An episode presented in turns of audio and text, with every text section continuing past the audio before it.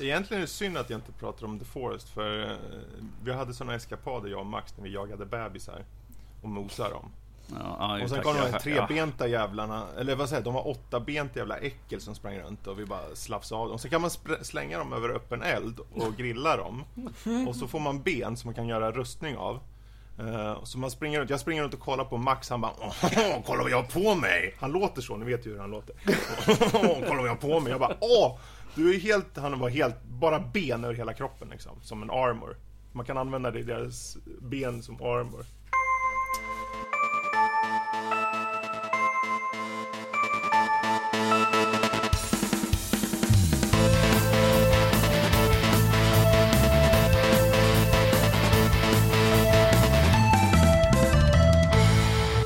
Hallå och välkommen till Nördliv, en podcast om spel och nörderi av alla de slag.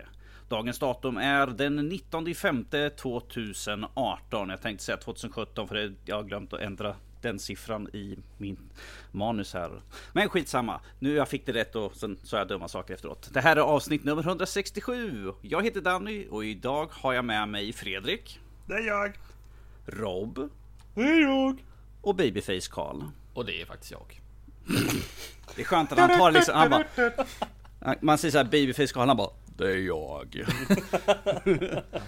Han är nog den mest, mest mogna av oss tror jag. Ja, Jag det tror vet också. jag Han, och han är yngst också. Jag är bara till för, för, för att fylla ut någon slags diversitetskvot och Du motverka åldersnojan på den här, i den här podden. Så att, Förstår inte vad du pratar Jag vet inte om du sådär. motverkar åldersnojan som att du kanske snarare främjar den. Åh, han är så ung! Ja. Säger Danny och börjar hytta med näven åt en fågel som Sitter kommer. jag med pincett och plockar allt grått hår på bröstkorgen sådär. Ja, jo. Ja, Det... du säger bröstkorgen men vi vet nog att det är... Knäskålarna, ja jag vet. Precis. Yes! Dagens podcast kommer innehålla att vi kommer prata lite grann om State of Decay 2. Lite grann om Unrush. Sen lite nyheter om Rage 2 som avslöjades. Uh, Vitan slutar med fysiska spel. Ny handkontroll från Microsoft och sen har vi ju veckans diskussion. Vi pratar om speluppskjutningar, vilket har varit ganska mycket här på sistone. Och sen på övriga nördämnen så tar vi upp lite grann om Deadpool, The Rain och så lilla seg- sista segmentet med brädspel med Karl. Vår- Vårt nya permanenta segment. Precis, vårt nya permanenta Varje segment. Shit, nu måste jag gå till Dragon's Lair och köpa mig brädspel. Ja, och så måste Ja, jag precis. tvinga en massa folk att spela. Så, ja, Ka- ka- men Kalle, det är tur att du har ett fast jobb i sådär och tjänar pengar. ja, kan jag köpa du hur brädspel som helst. Ja men jag Karl, säg till om du behöver assistans, jag hänger gärna med. Till- till Dragon's absolut. Så jag kan köpa brädspel åt dig då. Alltså. Nej, Du- men jag kan jag, jag är där i en advisory fashion. Ka- Kalle, du märker inte men Rob han tar liksom skjuter upp ett spel sen när du ska betala så han- sen liksom... Han skjuter in det på desken. Precis, så det bara... Var, var kom Han gömmer sig. Man ser bara två ögon ovanför liksom countern där så långsamt så gnider det in ett till brädspel. Brädspel som är ett långt finger. Kalle bara ta den där med så han blir glad den lilla. Och så hör man bara,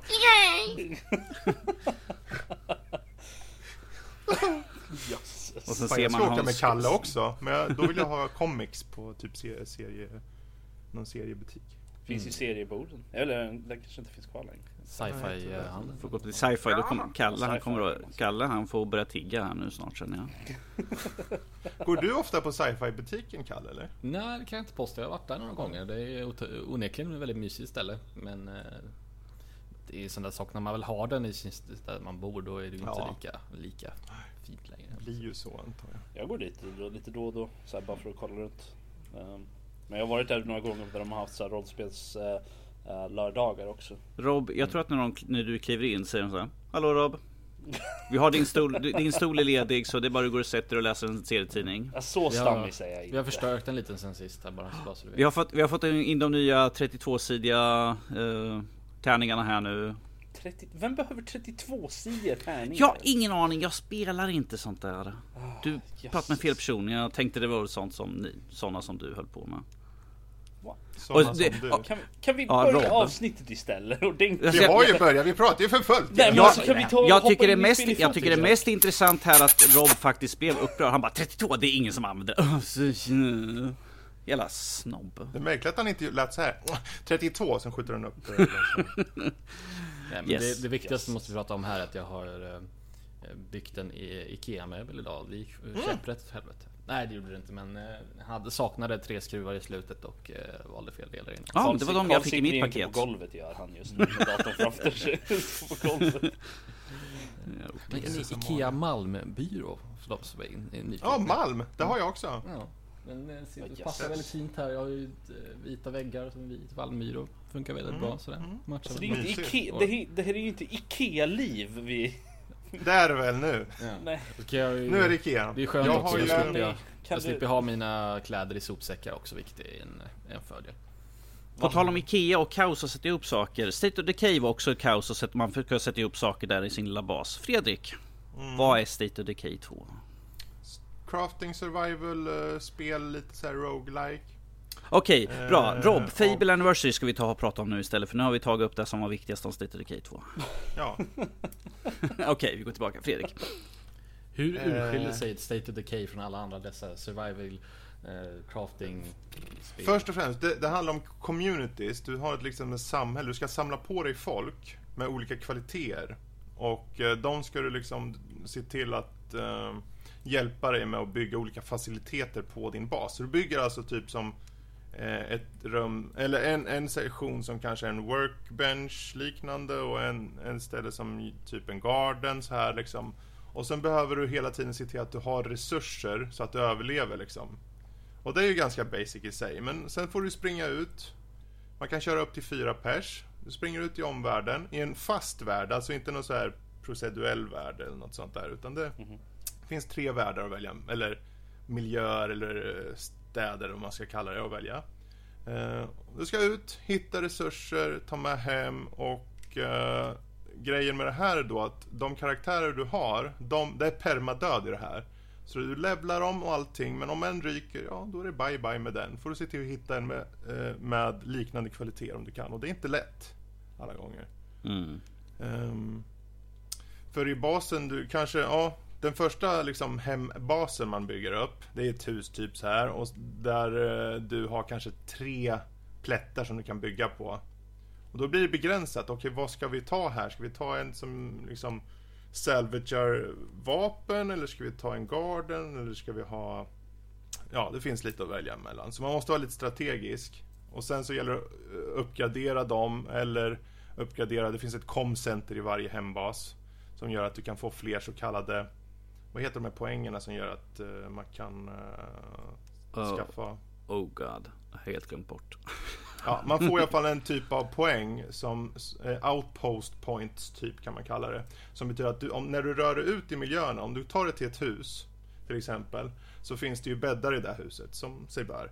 Och om du då tar över den med en outpost point så får du den, då får du alltså två bäddar till. Men du kan också ta över till exempel en medical clinic och då får du mer medicin per dag. Eller så får du kanske en ammo-butik eller och så vidare. Så om du tar över olika outposts ute, dels så får du en liten safe spot om du är ute och rör på dig i närheten av den. Eh, och så får du resurser per dag då. Eh, så det, det här spelet är, om det var helt, Mm. om det var helt så tror jag definitivt att det här är ett klart köp. Inte nog med att det är billigt egentligen. Jag menar standardutgåvan tror jag kostar 250 spänn. Du kan få det egentligen för 79 spänn om du tar Game Pass. Eh, som det också finns på. Tyvärr så lider du lite av buggar. Och då hade, vi ändå, då hade vi ändå en uppdatering här nu i Ja. veckan som var nu. För när vi eh, körde och recenserade spelet ju. Precis. Alltså kör man singel så märkte jag det var mycket mer, det, det funkade bättre. Tyvärr så fastnar saker i... så- Det finns till man kan, så här, det finns så här radio, att du kan ringa in eh, typ tjänster och sånt liksom. Eh, och då finns det en radiogrej som du kan ringa upp och det är typ Move My Character. För de vet att man fastnar i saker ibland. Din gubbe kanske fastnar i en objekt eller eh, din bil kanske fastnar under en skylt. Ja, och så det. vidare. Det är ett intressant sätt att lösa en sånt problem. Mm. Man kan ju först tycka att hmm, kanske du ska skapa en värld så att det inte går att fastna så Precis. enkelt. Precis. Men å andra sidan. Hmm.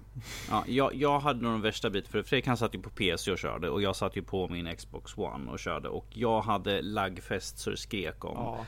Eh, när vi körde bil, jag såg kanske 3 till 4 frames. Jag såg liksom att ja men nu är vi här. Ja men nu är, vi, nu är nästa frame här. Nu är vi typ 4 meter bakom skylten jag såg för 10 sekunder sedan. Så vill du säga att det, Danny att jag borde uppgradera min dator? Ja jag tror... Ja. Det lå- Jag satt, jag satt ju- på Xboxen Karl så... Ja, mm. Jag Det satt på Xboxen. Danny, det En- låter ju lite som när uh, uh, Watch Dogs, originala Watch Dogs kom ut. Hade ju typ exakt samma problem när man åkte Aha, bilar. och jo precis. Eh, nej, jag, jag tror att vad de behöver är lite mer optimering på nätkoden där. Eh, och mellan PC och Xbox, vilket vi körde i den kombinationen. För att jag hade nog mest problem. eh, för jag såg när vi kom till basen. Det finns ju karaktärer som går- ens andra karaktärer går ju runt omkring där. Och ibland såg jag det såg ut som någon sån gammal film från 20-talet där de hade spelat inte för snabbt. De bara jag bara, vad fan är det? Och sen kom det zombies inspringande. Jag försökte hugga, hugg och sen liksom hugga bara i luften. Jag bara, aha, zombien är bakom mig. Och hugget, nej, och nu, är han död. Okej.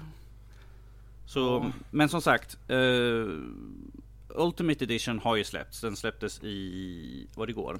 Igår släpptes den och eh, på måndag tror jag standardutgåvan släpps. Och jag hoppas att de har en till uppdatering till då. Precis. Ja, för det värsta är att jag, jag satt med det här och kunde inte riktigt sluta spela. Det finns något i det. Det är just den här... eh, För, eller zombiesarna, för det är ju zombies i det här då.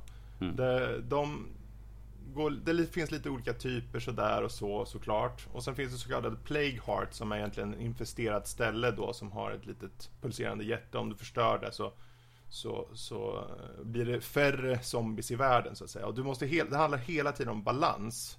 Så det hela tiden finns det en nerv. Du måste se till att du får in resurser så att dina kompisar, för de kan liksom börja strida med varandra och så t- kanske en drar liksom. Så du måste se till att det finns mat och allt det här. Och samtidigt måste du se till att alla zombies inte infesterar olika platser ute i världen. Så du måste hela tiden döda de här plague heartsen så att du får ner det. Och samtidigt få in resurser, uppgradera i din bas. Så det finns en nerv. När man kör tillsammans så känner jag det här, ja, är man fyra pers så tror jag definitivt det här kan bli jävligt roligt. Men de här buggarna alltså. Jag tyckte det var Alltså- roligt bara när du säger, du går direkt från buggar och bara Jag kan inte sluta spela här. Jag tänkte det var en Mm. väldigt allvarlig bugg där. Väldigt såhär Sword Art Online bugg nästan. Så, Det går inte att stänga jag kan inte, mina fingrar sitter fast vid tangentbordet. Ja. Jag kan inte. Ja, det stora problemet med buggarna, alltså det absolut största problemet, i och med att buggarna finns och eh, det blir lagg och sånt och det är permadöd. Om det liksom fuckar upp och din karaktär dör, det händer ju att de dör på grund av att det buggar till. Då är ju den körd, då är den borta, du får aldrig tillbaka den. Ja, vi Och då vi kanske har, du har uppgraderat det liksom. Du har uppgraderat, haft den länge och så. Och så dör han på grund av buggar. Det är det värsta. Det, får, det kan få den bästa liksom. Att nej, nu skiter jag i det här. Vi hade ju en sektion nu var totalt ur synk du och jag. Mm. Eh, Vi hade varit på en bensinmack och som eh, Fredrik gick till bilen vi skulle åka tillbaka till, till hans bas. Jag gick och satte mig i bilen och när jag skulle kliva in så satt jag helt plötsligt en meter utanför bildörren i luften. Jag bara okej. Jag bara, Mm. Jag Fredrik, Fre- jag bara Fredrik ser du här? Han bara vadå jag är ute och kör på vägen. Jag bara nej du står Alltså jag kvar var på här. andra sidan, jag var på nästan hembasen då när, han, när du säger det. Jag tänkte, vad fan, vad säger du? Du står ju där. Du stod ju vid bilen då, Mm, hos alltså, mig. sen, sen, sen snurrar jag runt på kameran och ser jag att däcken rör sig på bilen fast den står helt Mm. still. Jag bara, det är någonting som inte riktigt stämmer här. Förutom Ja, att jag sitter i luften. när, när vi börjar prata om det, nu är det något fel här. Och då ser jag bilen bara boom, försvinner utav helvete. Pjum! Tänker jag, hopp, där försvann bilen. Vad hände? Och då menar jag, det är som att den sköts iväg. Jösses. What the fuck? Det där låter som, alltså det, här, det, det låter ju som att det är ett sex månaders spel. Alltså det är ett sånt där spel som Köp dem sex månader istället. När de har fixat Mm. alla problemen liksom. Ja, alltså. Nu, jag har de här problemen nu, det, jag tror det är nätverkskoden för, först och främst. Och det är just, vi vet ju inte om det är just i cross-platform-läge. Det kan vara just rent generellt eller mot Xbox, mellan PC och Xbox. Ehm, för vi hade, har inte testat en Xbox mot Xbox eller Xbox med Xbox. Men jag kan bara tänka mig om man är fyra pers. Oj, oj, oj. Åh gud. Ser du det här? Vadå? Var är du? Jag är Men om alla annanstans. sitter på PC kanske det går bra. Jag vet inte. Det, vi har ju inte kunnat testa det. Jag tror hade ju önskat egentligen att vi hade haft fyra koder så vi kan ha testat. Vad, eh, vad kör du ifrån då? Är det Steam eller är det... eh, Det Win- finns bara i Windows Store. Det är- ja, det det jag det är ju från. Det är ju det ett Microsoft-spel liksom. Men vi vet ju hur Windows Store funkar också. Det är inte sådär. Ja. Ja. ja det, peppar peppar, det här, på den här, för en gångs skull så funkar det väldigt bra. Det var lätt att installera, klart liksom. Ja, och sen bara rakt in i spelet. Väldigt enkel tutorial som visar grunderna. Tyvärr inte, f- inte tillräckligt mycket för att faktiskt hjälpa egentligen, men ändå, det är en annan historia. Jag tycker det, har man Game Pass så kan man testa det. Eh, om man ändå har det. Men eh, avvakta och köp det. Är du jättesugen så fine, för priset är 250 spänn och jag tror om de fixar buggar, de största, så är det definitivt ett, ett väldigt underhållande spel. Ja. Men Eh, annars det, avvakta. precis, det är som jag skrev. Jag skrev ett svar på Twitter till, jag kommer inte ihåg vem det var, någon som skrev och sa att det verkade intressant men att det var trasigt. Och jag svarade liksom att det här är ett sånt där spel som man som, som vanligtvis är just nu. Att vänta kanske någon månad tills de har kommit ut med fler patchar. Så ifall de får ut patchar, fixa liksom med bugg, de största buggarna och det här eh, ehm, eh, mellan eh, olika mellan PC och konsol. Eh, optimera, optimera där. Så då, ifall de får bort det så kommer det vara suveränt. Det kommer vara kul. Alltså, vi hade kul när vi körde. Det var liksom mest på Ja. slutet. Det kändes som ju längre man körde desto mer Ja, hiccups tyng- blev det längs med tyngre vägen. Tyngre verkar det bli liksom. Precis. Det är, lite, det är lite tråkigt när man hör sådana här grejer tycker jag egentligen. Ja. På grund av att det är ett spel som man är intresserad av så vill man ju köpa det. För, Mm. och, men om det är så buggigt så vill man ju inte lägga pengarna på det då. Nej. Vilket gör ju då att utvecklarna och de, de får ju inte in någonting för det och ser ju liksom att om det här har ju floppat helt och hållet. Istället för att du, du har en, liksom en hel drös med människor som är intresserade men inte vill lägga pengar på någonting som är en buggig skithög liksom. Precis. Vilket gör att folk väntar och när det väl är uppe liksom i, när det väl kommer till en punkt där det är spelbart ordentligt. Då har det ju gått så pass lång tid att det inte är relevant längre. Mm. Vilket gör ju att de förlorar ju så mycket på det egentligen. Ja, det, det känns ju early access fortfarande väldigt mycket. Och då är det ändå så att det, det, jag tycker om ljudbild, jag tycker om utseendet. Det känns ändå unikt och själva upplägget av spelet är... Det, jag har nog inte spelat något, mig vetligen som det här. Vilket gör det en, som bara gör det ännu mer synd för att det är som det är. Eh, För jag vill köra det här, men jag kan inte köra det. Och det är jättesvårt själv tyckte jag. Om man är med en kompis så går det bra, för när det så kommer fler zombies än typ tre, om det kommer tre, tre till fem zombies, då är det ganska svårt alltså. Då, för man har ju stamina, så då orkar jag bara springa en kort stund och, och så vidare. Så det, ja, det är synd. Men, ja, eh, men det, det här är ju lite grann. det är. Det är lite samma sak som med Conan. Eh, Lite, lite småbuggar här och där. Men att som Mm. sagt, ge det, ta- det kändes lite early access där också. Men som sagt, vi skötte ju bara in för att du skulle visa upp ditt slott som du hade byggt i, där vi hade kört. Sen, och sen helt plötsligt satt vi där och så har det gått halva kvällen Ja. så här, och vi hade byggt upp ett nytt hus och sådär. Alltså till och med Conan är ju mer eh, buggfritt än det här. Jag kände aldrig att Conan var liksom Alltså jag stötte på lite buggar, hela UI'n försvann för mig vid något tillfälle Mm. liksom. Jag kunde bara, vad fan hände här? Um, Jag vart ju osynlig ett par gånger och mina vapen försvann och... ja, någon, jag flög upp i himlen och- inte. Men de, som de sagt, liksom Det är, att, det, är, det är det här som jag säger, liksom, som jag sa här förut. att Det känns nästan som man ska vänta med spel och köpa dem. Man ska aldrig köpa dem nästan day one. Det är liksom vänta en två, tre månader. För det är det de- jag säger de, liksom, För, det- för då är ju de, de som har verkligen varit liksom bara, ja jag köper det här. Och då har de ju säkert spelat skiten. Och ifall det har varit mycket buggar, då har de säkert beklagat sig på det. Och då har de fått fixa en massa. Och så kan man hoppa in när det faktiskt finns lite bättre, bättre Men flyt det är i det jag sa spelen. liksom att det, det, Mm. det, det skadar ju studion så mycket om det är så Jo, jag man gör. vet. Så det, det är ju väldigt problematiskt. Ja, I nuläget, för att avsluta, jag tror att eh, har ni Game Pass, testa på det, annars avvakta. Mm. Så. Yes. Rob. Ja. Fable. ja. Anniversary. Why? Why not säger jag. Bra där. Och eh, argumentera och säg varför. Alltså jag, jag körde ju originala Fable på fucking originala, tri- originala Xboxet way back when. När det kom ut ung, var 2000, ung och smärt. 2005 eller något där. 2000, nej 2003, 2004 någonstans där. Och jag har ju kört, jag har kört alla Fable-spel, jag har kört Lost Chapters på PC flera gånger och sådär. Men så när jag hörde att Anniversary skulle komma så var jag onekligen intresserad. För att liksom, åh, uppdaterad grafik, vilka jag kan köra på mitt 360. Och det innehåller allting från Lost Chapters. Första gången vi får det egentligen på, eh, på Xbox. Um, ordentligt på konsol. Så, och sen gick det fyra år från när det kom ut och jag fick spelet tills jag faktiskt satte mig och spelade det. Nej, wow, vänta, wow.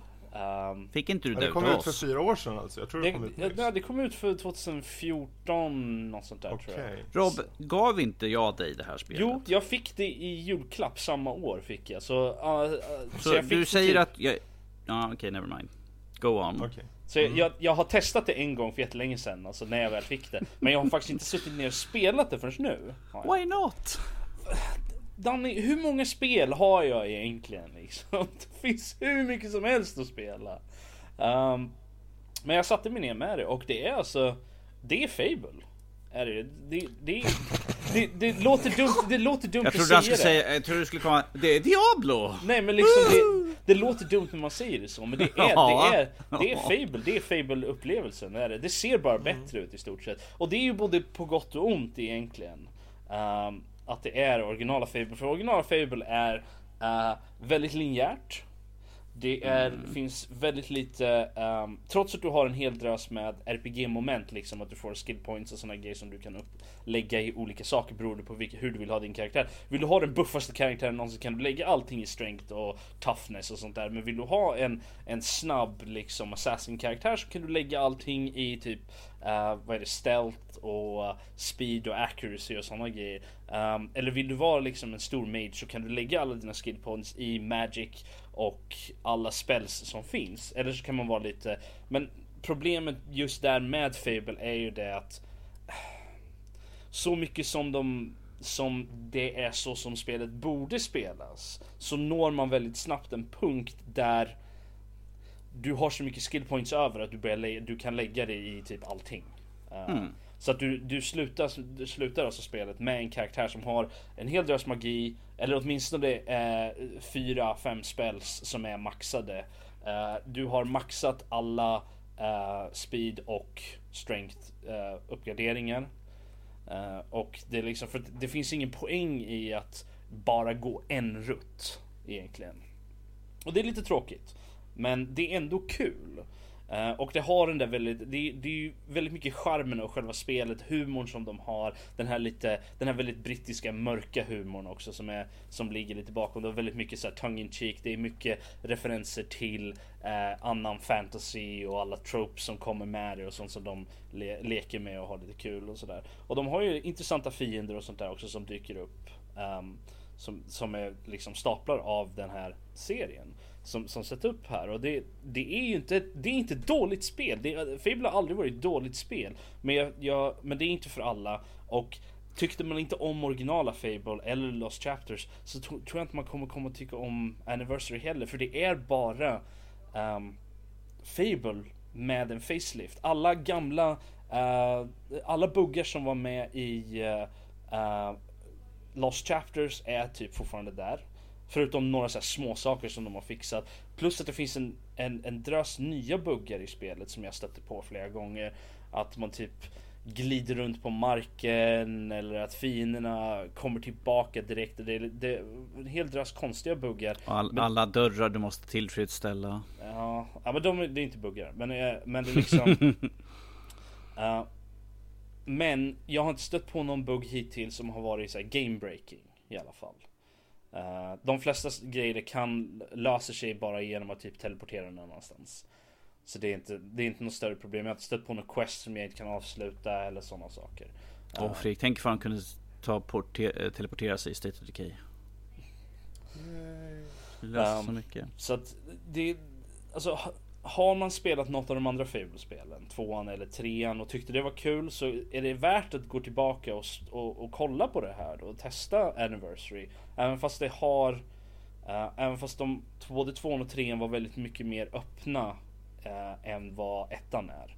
Uh, i, i form, även fast de också var relativt linjära i sin story. Men um, det är här det började och det, det är värt att spela för det är fortfarande ett väldigt kul spel. Jaha, för dig jag börjar fyra år senare mest i alla fall. Ja, men jag har ju, som sagt, jag har ju alltså kört Fable originalet så många Mm. gånger att jag vet ju vad som händer i det. Eh, så att det och det är vissa saker som inte går att göra som de fixade från originala Fable till, till Lost Chapters och sånt där. Men jag är eh, Jag är på slutspurten nu. Jag är, jag är precis där Lost Chapters biten tar, tar vid.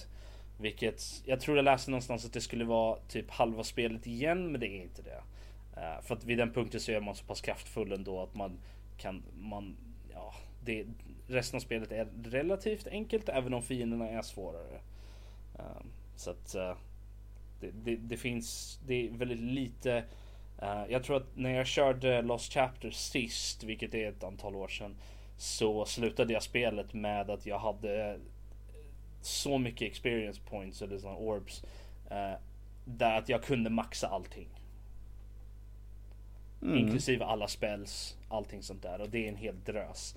Just bara genom att runt, gå runt och döda liksom fiender och sånt där. Men jag menar, då kan du ju avsluta spelet med att vara badass på allting. Jo, men det gör inte slutbossen direkt mycket enklare ändå. Så, mm. ja. Men ja, nej alltså jag, jag, skulle definitivt rekommendera. Är ni intresserade av, av ett uh, RPG-spel som uh, var väldigt tidig med det här Typ att du kan vara god eller ond och det påverkar hur du ser ut till exempel.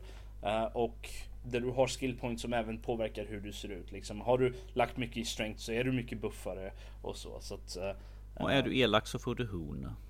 Uh, nej, inte i originala Fable har jag för mig. Att man fick inga horn utan du Fick en bara... röd, röd mist runt omkring sig. Ja, du har en liten röd mist plus att när du står stilla så flyger det flugor omkring dig. Precis som när du är god så får du en liten sån här hal. Jag tror, jag tror du skulle säga precis som du gör just nu på dig Dan. Liksom. nej, nej, men när man är när man är god som man stilla så är det en liten så här, du, du har nästan som en, en sån här Gloria runt huvudet. Sunbeam liksom på dig och du, du har en, en äh, Gloria precis. Mm. Och lite fjärilar som flyger omkring så här. Yes. Fable ja. Anniversary. Yes. Då tar vi slänga över Fredrik till eh, demosektionen här nu. Ja. ja där vaknar han till igen. Kom igen gubben, gubben Olsson. Vakna nu då. Ja.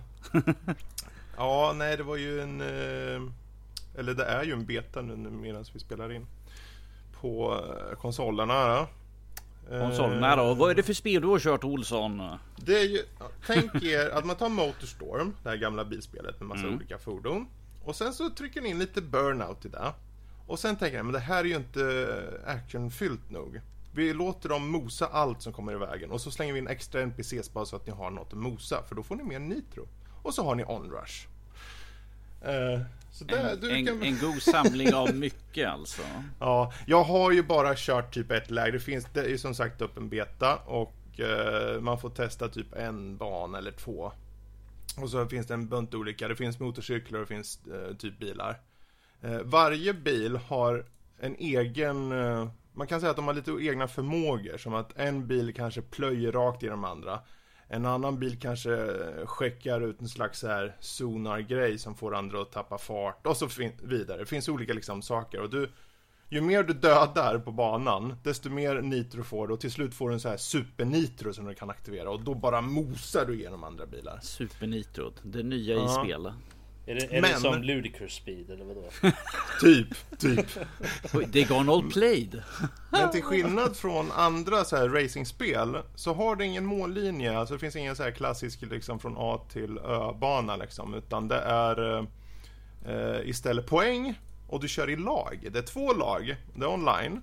Så du um, helt enkelt med dina kamrater då ska mosa tillräckligt många av de andra eh, på snygga eller osnygga sätt och därmed få poäng och hela tiden åka igenom olika checkpoints som ger ännu mer poäng. Och så slåss man då. Man kör bara runt, runt, runt och man kan ta olika vägar på banorna. Eh, genom hus, förstöra objekt, åka i rampar och hoppa och så och få extra nitro. Och hela tiden se till att du får nitro, se till att du mosar andra och tjänar de där poängen. Det är rakt på sak. Eh, det är som ett Overwatch nästan på det sättet i efterhand då. Du får så här poäng liksom visar Ja, ah, du vart matchens spelare för du mosade sju pers liksom. Overwatch, och, but with cars. Ja, det kändes lite så. Men jag, det är ju bara ett spelläge jag har testat i det här i, i med betan. Men jag... Det är ju så arkad. Så att jag känner det här, det här kommer bli nice. Eh, det kommer bli nice. Kommer det bli nice, nice gött. Ja. Det roliga är att det är, ju, det är ju Codemasters, men det är en eh, studie under Codemasters som heter Codemasters Evo. Den gamla studion Evolution Studio som till exempel gjorde Motorstorm och Drive Club. Det är ju den studien som var som en nyhet här för några år sedan. de blev liksom kickade från eh, Sony och hade ingenstans att gå. Och Codemaster sa Kom till oss. Så de, de tog in hela studion och lät dem fortsätta hos sig. Som var liksom bara att vi vill bara se mer spel och de är jättebra och vi vill inte att de ska dö. Och nu kommer de med ett helt galet spel här. Eh, det går inte att ge något utlåtande såklart, men jag tycker det ser väldigt lovande ut. Det, helt okej okay fysik, det är ju galet så det går inte att tänka för mycket på fysiken, men det finns mycket objekt att förstöra och, och personer att irritera genom att landa på dem. Så som man brukar göra. Ja, jag landar på två, tre stycken faktiskt. Det är lite så här. Och så står det bara, står det, jag kommer inte ihåg vad det står, men något liknande typ uh, Crushed, liksom, eller något sånt där. Eller Flathead. Fatality. Ja, Flathead. Vad roligt om det stod Mosalt. Men det är liksom, de, de, de skiter i allting som har med Codemasters att göra på det sättet. Som Codemasters är ju typ Dirt och Colin uh, rallyspel liksom. Så här, mm. Dirt Rally som är oftast betydligt mer åt det simulatorhållet. Särskilt Dirt Rally som är en ren simulator. Och här är liksom de vänder helt allting. Det är så mycket arkad. Du tar arkad så drar du upp det till 150% liksom. Så. Med massa olika typer av fordon. Och du, du, kan till och med preja folk med en motorcykel. Jag menar vad fan. Ja, du kan det ska in, bli intressant. Du kan gå, gå, gå all ja. in här nu. Ja, nej jag tycker det, det om det kommer fortsätta till måndag mig vetligen. Så när ni hör det här, om ni hör det på söndag nu när det här kommer ut det här avsnittet. Så och sitter ni på konsol så testa det här vet jag. Mm. Uh, Spelet, så. fulla spel släpps den 5 juni. Mm, precis. Så det är det. Det är inte mer jag be behöver eller kan säga riktigt. Yes, sweet. För lite spränga allt i din väg bilspel. Mm. Man behöver lite mer sådana. Yes, och då slänger jag över till nyheterna med Karl. Med Karl som har en massa brummande bilar i bakgrunden. Ja, det, du ser det. det är folk, On folk, Rush, det är jag i bakgrunden. Precis. Oh, Gud, jag har åkt med Fredrik i bil, det är jag nästan sådär. Mm. mm. Så i efterhand kanske inte var bra att flytta till en lägenhet precis vid en stor trafikerad väg. Men vad vet jag. Först lutar ut genom fönstret och skriker så här, Tyst! Jag spelar in podcast! Gå ut och skriva Ställa ut lite koner och stoppskyltar. Man får köra runt. Får sätta upp en stor röd lampa så här, inspelning pågår. Kommer absolut gå hem med kommunen. Yes. Ja. Men eh, första nyheten på agendan är eh, Rage 2 avslöjas av lite slarv. Eh, ska säga. Eh, och det är inte alltså, vad ska man säga, id som utvecklade Rage 1 utan det är uh, svenska Avalanche Studios som uh, ska ta sig an Rage 2. Och det är mm. väl lite mysigt på något på sitt sätt. Um, lite passande också med tanke på att uh, de Avalanche gjorde ju Mad Max, vilket är väl uh, förvisso en tredjepersonsskjutare men ändå lite relaterat med Mm. De är ändå i samma ballpark när det ja. gäller liksom på estetiken och omgivningarna. Ja. Så precis. Så frågan är ju om de kan lyckas lite bättre både på den tekniska aspekten. För visst, Megatextures i Rage 1 var ju en jättecool teknik men eh, eh, exekveringen av det kanske inte var den bästa. Laddade, det var ju ofta man såg texturer som inte riktigt hade laddats in än. Och, och vad jag förstod som också så storyn var väl inte så mycket att hänga julgranen där. Det var ju lite av en axelryckning. Ja. Det är ju men å andra sidan, det ju, och det var ju id som gjorde det själva. Mm. Uh, och de promptade ju så mycket och i och med att det var det första spelet på väldigt länge så var det ju mycket hype såklart. Precis. Så det, det gör ju sin bit. Och jag köpte men, helt och eh, hållet in på den hypen. Ja, men det, nu är det liksom nu har, slipper vi id. Mm. Och det är bra för jag tror inte de, de, de har aldrig varit bra på story och Avalanche med Just Cause och, och, och till exempel Mad Max då framförallt tycker jag är en perfekt kombo för dem. Det är explosivt, det är postapokalyps eh, med mycket färg och eh, framförallt väldigt så här, verkar kunna bli mycket tempo. Det är lite Doom nästan på ett sätt, att mm. du kan liksom spränga folk i luften och allt möjligt. Och mycket bilar. Så det, ja, det ser väldigt lovande ut, tycker jag. Um, jag är bara glad att Avalanche gör det. Hade de inte gjort det så hade jag nog skippa det helt tror jag. Om, om, vi säger så här. Jag vill ju ha en Rage uppföljare. Eh, tror jag sagt det. Eh, och jag har ju kört Mad Max så jag var mm. helt frälst i det. Och nu får vi utav samma utvecklare så Jag är väldigt hype just nu. Gimme, gimme, gimme, gimme, gimme, gimme, gimme. I want it now. Jaha, jag är nyfiken vilken motor det här Mm. kommer vara i liksom. Men, eh, Intec eller vilken motor drev de i Mad Max där? Var det något eget hittepå eller var det? ja, det var Avalanche egna tror jag. Mm. Ska det vara. Så, mm, och det var en bra motor var det. Lite buggig här och var men det alla. eh, Det var ju. Jag vet inte om, de hade, om det var Just Cause-motorn. Kanske. Så jag kan Hur som helst så såg det bra ut. men jag. Ja, Ja, tut på det också. Mm. Se om det där tutet kommer med efter eh, de har lagt Max håller på med ljudet. De tar bort det bara för... Vi bara, det var tut där. Och ingen bara, vad var tut? Ah jösses. Men eh, ja, Avalanche Studios. Eh, Nej. svenska. Kul! Nästa. Då är det så att man ska upphöra sälja fysiska kopior av spel på Vitan. Och det är väl eh, vår egna Vita-expert Rob som får, eh, får eh, ta, ta tag i den biten då i så fall. Ja du eh, Karl, här på plats. Eh, nej. Um, nej alltså, Sonys högkvarter i Japan. ja precis. Jag står här utanför. De vägrar släppa in mig men jag tänker De göra min de rapport i kommer alla ringa fall. polisen snart om du inte går därifrån. Eller hur? Eh, nej men alltså, jag är, jag är helt ärligt inte förvånad. På grund av att, uh, ja helt ärligt så kan jag, så förstår jag inte varför de ens hade fysiska kopior faktiskt. För jag har aldrig, jag har, köpt, jag har ju köpt några spel till Vitan i alla fall. Och jag har, de har alltid, alla varit via Playstation Store. Mm, mm. Så jag äger faktiskt inga fysiska kopior av något Playstation Vita-spel. Ja, men alla är inte som dig. Det var väl mest bara vilken tid, alltså den släpptes, Vitan släpptes 2011 i, eh, i Japan då. Och jag menar det var väl mest i tiden att eh, digitala spel var ju inte eh, riktigt så stort som det är idag. Visst, det är klart att men det, det är lite framtidstänkande ändå tycker Ja. jag. På det Mm. sättet. Så det, Och sen det, så, Ja. ja.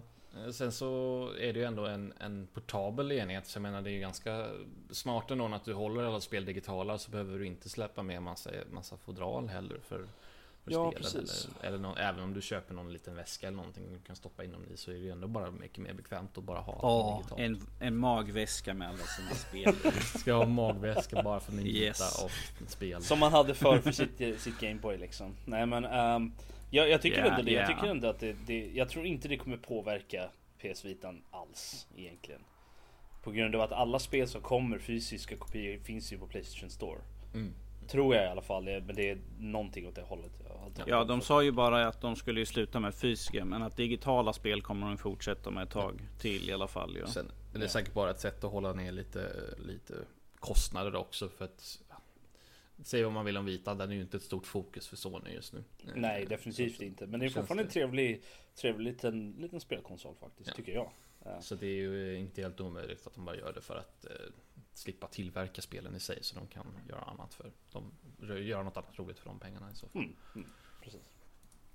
Härnäst så den 23 maj så kommer man eh, visa upp eh, Battlefield 5. Eh, Eller ja, om det ens kommer heta så. Men det, det, det Så det är på, när vi spelar in det här då blir det ju på tisdag. eh, 23 maj. Mm. Kanske något sånt här häftigt namn som Battlefield Resurgence. Nej fy fan. Tror du det blir an- andra världskriget? Jag hoppas det. Det är det som är mitt Mm. eh, stora önskemål. Jag vill ha ett modernt Battlefield i andra världskriget. Det hade varit eh, riktigt nice tror jag faktiskt. Det Mm. var ju ett tag sedan de var där och eh, Ja, alltså det, det hade väl inte varit helt orimligt om de har gjort första världskriget nu så hoppar de vidare och gör andra. Sen hade jag Mm. inte haft något emot modern tid eller eh, Vietnam för den delen hade inte varit fel heller. Kan de, kan de inte göra Battlefield 5 Hällefors 2005? Hällefors. Hur det när många jag åker upp till min sommarstuga då, eller? ligger? Det undrar jag verkligen. 2005, ja just det, 2005, det var ju när vi spelade in första filmen. Ja, eh, ja jo. Ja, det skulle vara coolt. Battlefield 5, Fredriks vardagsrum. Battlefield 5, den långa vägen till val. Men det är mest, mest det att det, det skar sig lite i mina ögon när de hade första världskriget och alla sprang ändå runt med massa automatiska vapen och sånt där. Det gick inte riktigt ihop. Men hoppar man helt plötsligt över till andra världskriget då är inte det ett problem längre. Då får de ha sin liksom, snabba, liksom, mycket automatvapen. Sånt där. alla kanske inte är lika petiga som du va? Ja, men sånt här är ju Du, viktigt. du, är, du, är, du är extrem på det här, vilket jag här hört tidigare i podcast. Ja. Nej, är det verkligen det? Sånt här är viktigt! Nu är det så! Jag är Det är ju ett simulatorspel, det är ju inte det. Alltså, Nej, absolut det, det är inte, inte väl- gjort för att vara liksom accurate. Det- Om man slår på stora trumman för att oh, men det här ska vara första världskrigets spel, eh, trippel A första världskrigets spel, ingen, gjort innan. Kan man väl ändå hålla sig till sak liksom. Det, Man, kan, man kan ju hoppas, men, jag Men det- det är inget tills man ska kul. det, om... Skitsamma, jag kom- kommer ändå sitta och spela postscriptum istället som vilket kommer vara mycket bättre än andra världskriget shooter. Så kan alla gå och skita ner i det i så fall. Ja, han är så ung, han är så upprörd. Åh, dagens ungdomar. Han är så underbar. Alldeles, alldeles underbar. Edgelord Carl. Vad har vi mer för några nyheter då? Ja, och så här kommer vi till nästa bajsmacka som är Call of Duty Black Ops 4.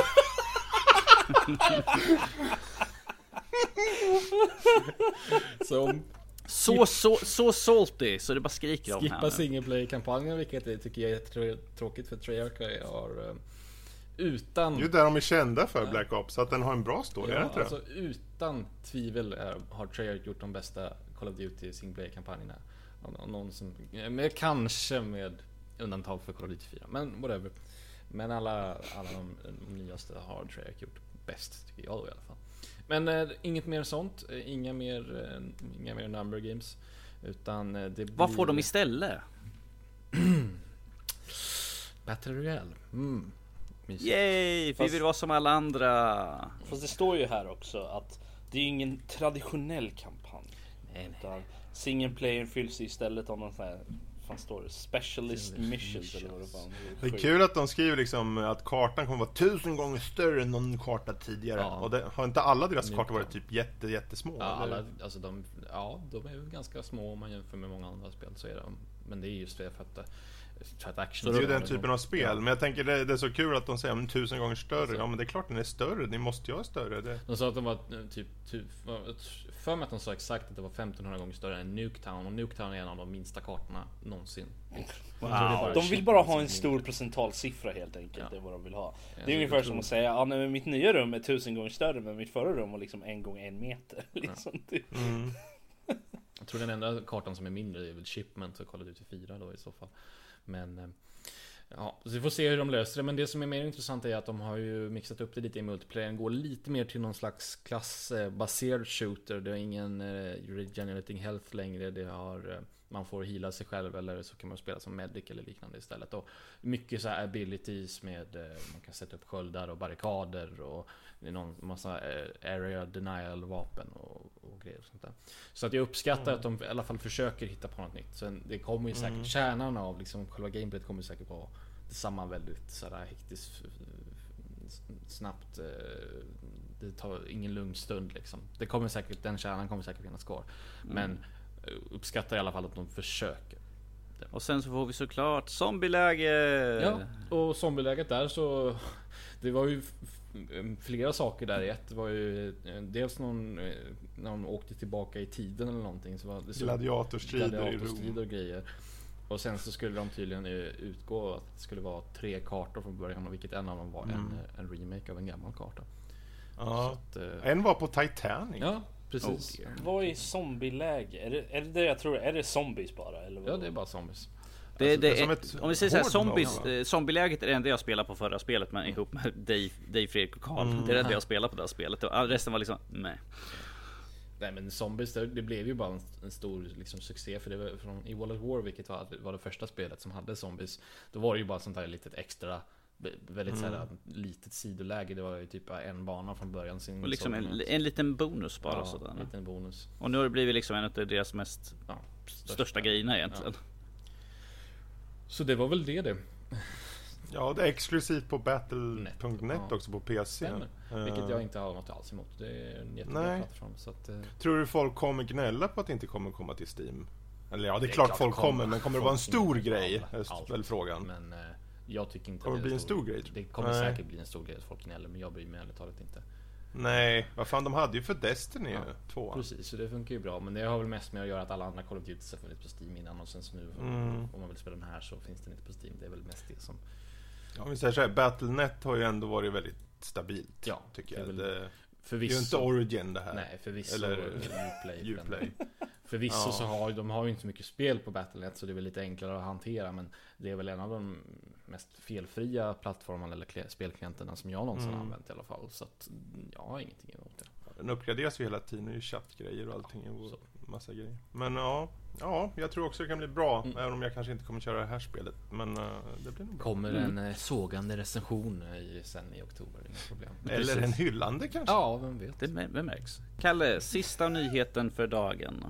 Jaha, jag hade gått igenom, jag trodde jag hade gått igenom alla länkar här. Jag jag oproffsigt av mig, herregud. Ja. Jag hör, allt jag hörde där har hyllande recension var bättre än vad jag trodde. Där hittar vi sista nyheten. Ja, nu är det någon som jag tycker är kul och Och där försvann Där kom en bil så han mutar sig själv för vår del. Jag hörde bara Precis. revvandet i bakgrunden. Ja. alltså. Jag ska lägga ner en spikmatta på vägen. Oh ja. Ung man upprörd över bilar som brummar i bakgrunden. Lägger ut spikmatta i lokala Stockholm. Mm. Ja, jag har gjort. Det brummade i och för sig mycket här i min gamla lägenhet också, men ja. Nej. Vad var vi för någonstans? Just det. Sista nyheten. Eh, Microsoft, ny kontroll för uh, spela med lite, vad ska man säga, Handikapp. handikapp ja. Så heter det. Det var det ordet jag letade efter. Mm. Eh, Och då så menar det man här- inte handikapp som att man är dålig på ett spel. Alltså, utan, Ja, det är inte som dig Rob alltså. nej precis. Mm. Utan folk med fysiska handikapp. Mm. Så det är egentligen tanken att visst, de har ju den här, som en liten platta och sen så är det liksom, vad ska man säga, två diskar Det är två, eller någonting. Ja. det är två knappar där eh, som finns där. Men det mest intressanta är på, på baksidan av den här stora plattan då så har de eh, ingångar för alla knappar som finns på en Xbox- Xbox-kontroll. Så tanken är ju att du då ska kunna bygga, an, bygga någonting anpassat för en specifik persons handikapp då helt enkelt. Mm. Jag tycker det, det är väldigt bra faktiskt. Herregud. Eh, Det är värt att applådera nästan. Yes. De eh, har ju arbetat för just här accessibility på, tidigare, länge liksom. Mm. Men det här är bara så tydligt exempel på att det, kan göras och det kan göras väldigt bra. Ja. Eh, Förhoppningsvis då. Men det ser väldigt bra ut i alla Mm. fall. Eh, Så ett bra initiativ. Verkligen. De, de hade så. ju på Xbox Inside, är det där heter nu. Jag Ja. glömmer alltid bort det. Eh, och där hade de ju, de visade klipp med folk med ganska grova handikapp. Ja, eh, Alltså jag satt och blev rörd av det faktiskt. Eh, Det var, en, det, var en, det var en kvinna som var med där som hade som var väldigt grovt handikappad. Men hon satt och körde. Hon såg jätteglad ut. Hon, satt och Ja, liksom, hon hon var tyckte det var glad. skitkul. Att hon, sa, hon sa liksom att nu behöver hon inte känna sig utanför. utan Nu kunde hon känna sig inkluderad liksom i, i spelvärlden. Så att, säga. Att, hon Mm. inte, att nu kunde hon ju köra och liksom vara med och dela glädjen liksom, och spela med andra. Ja, det var jättefint.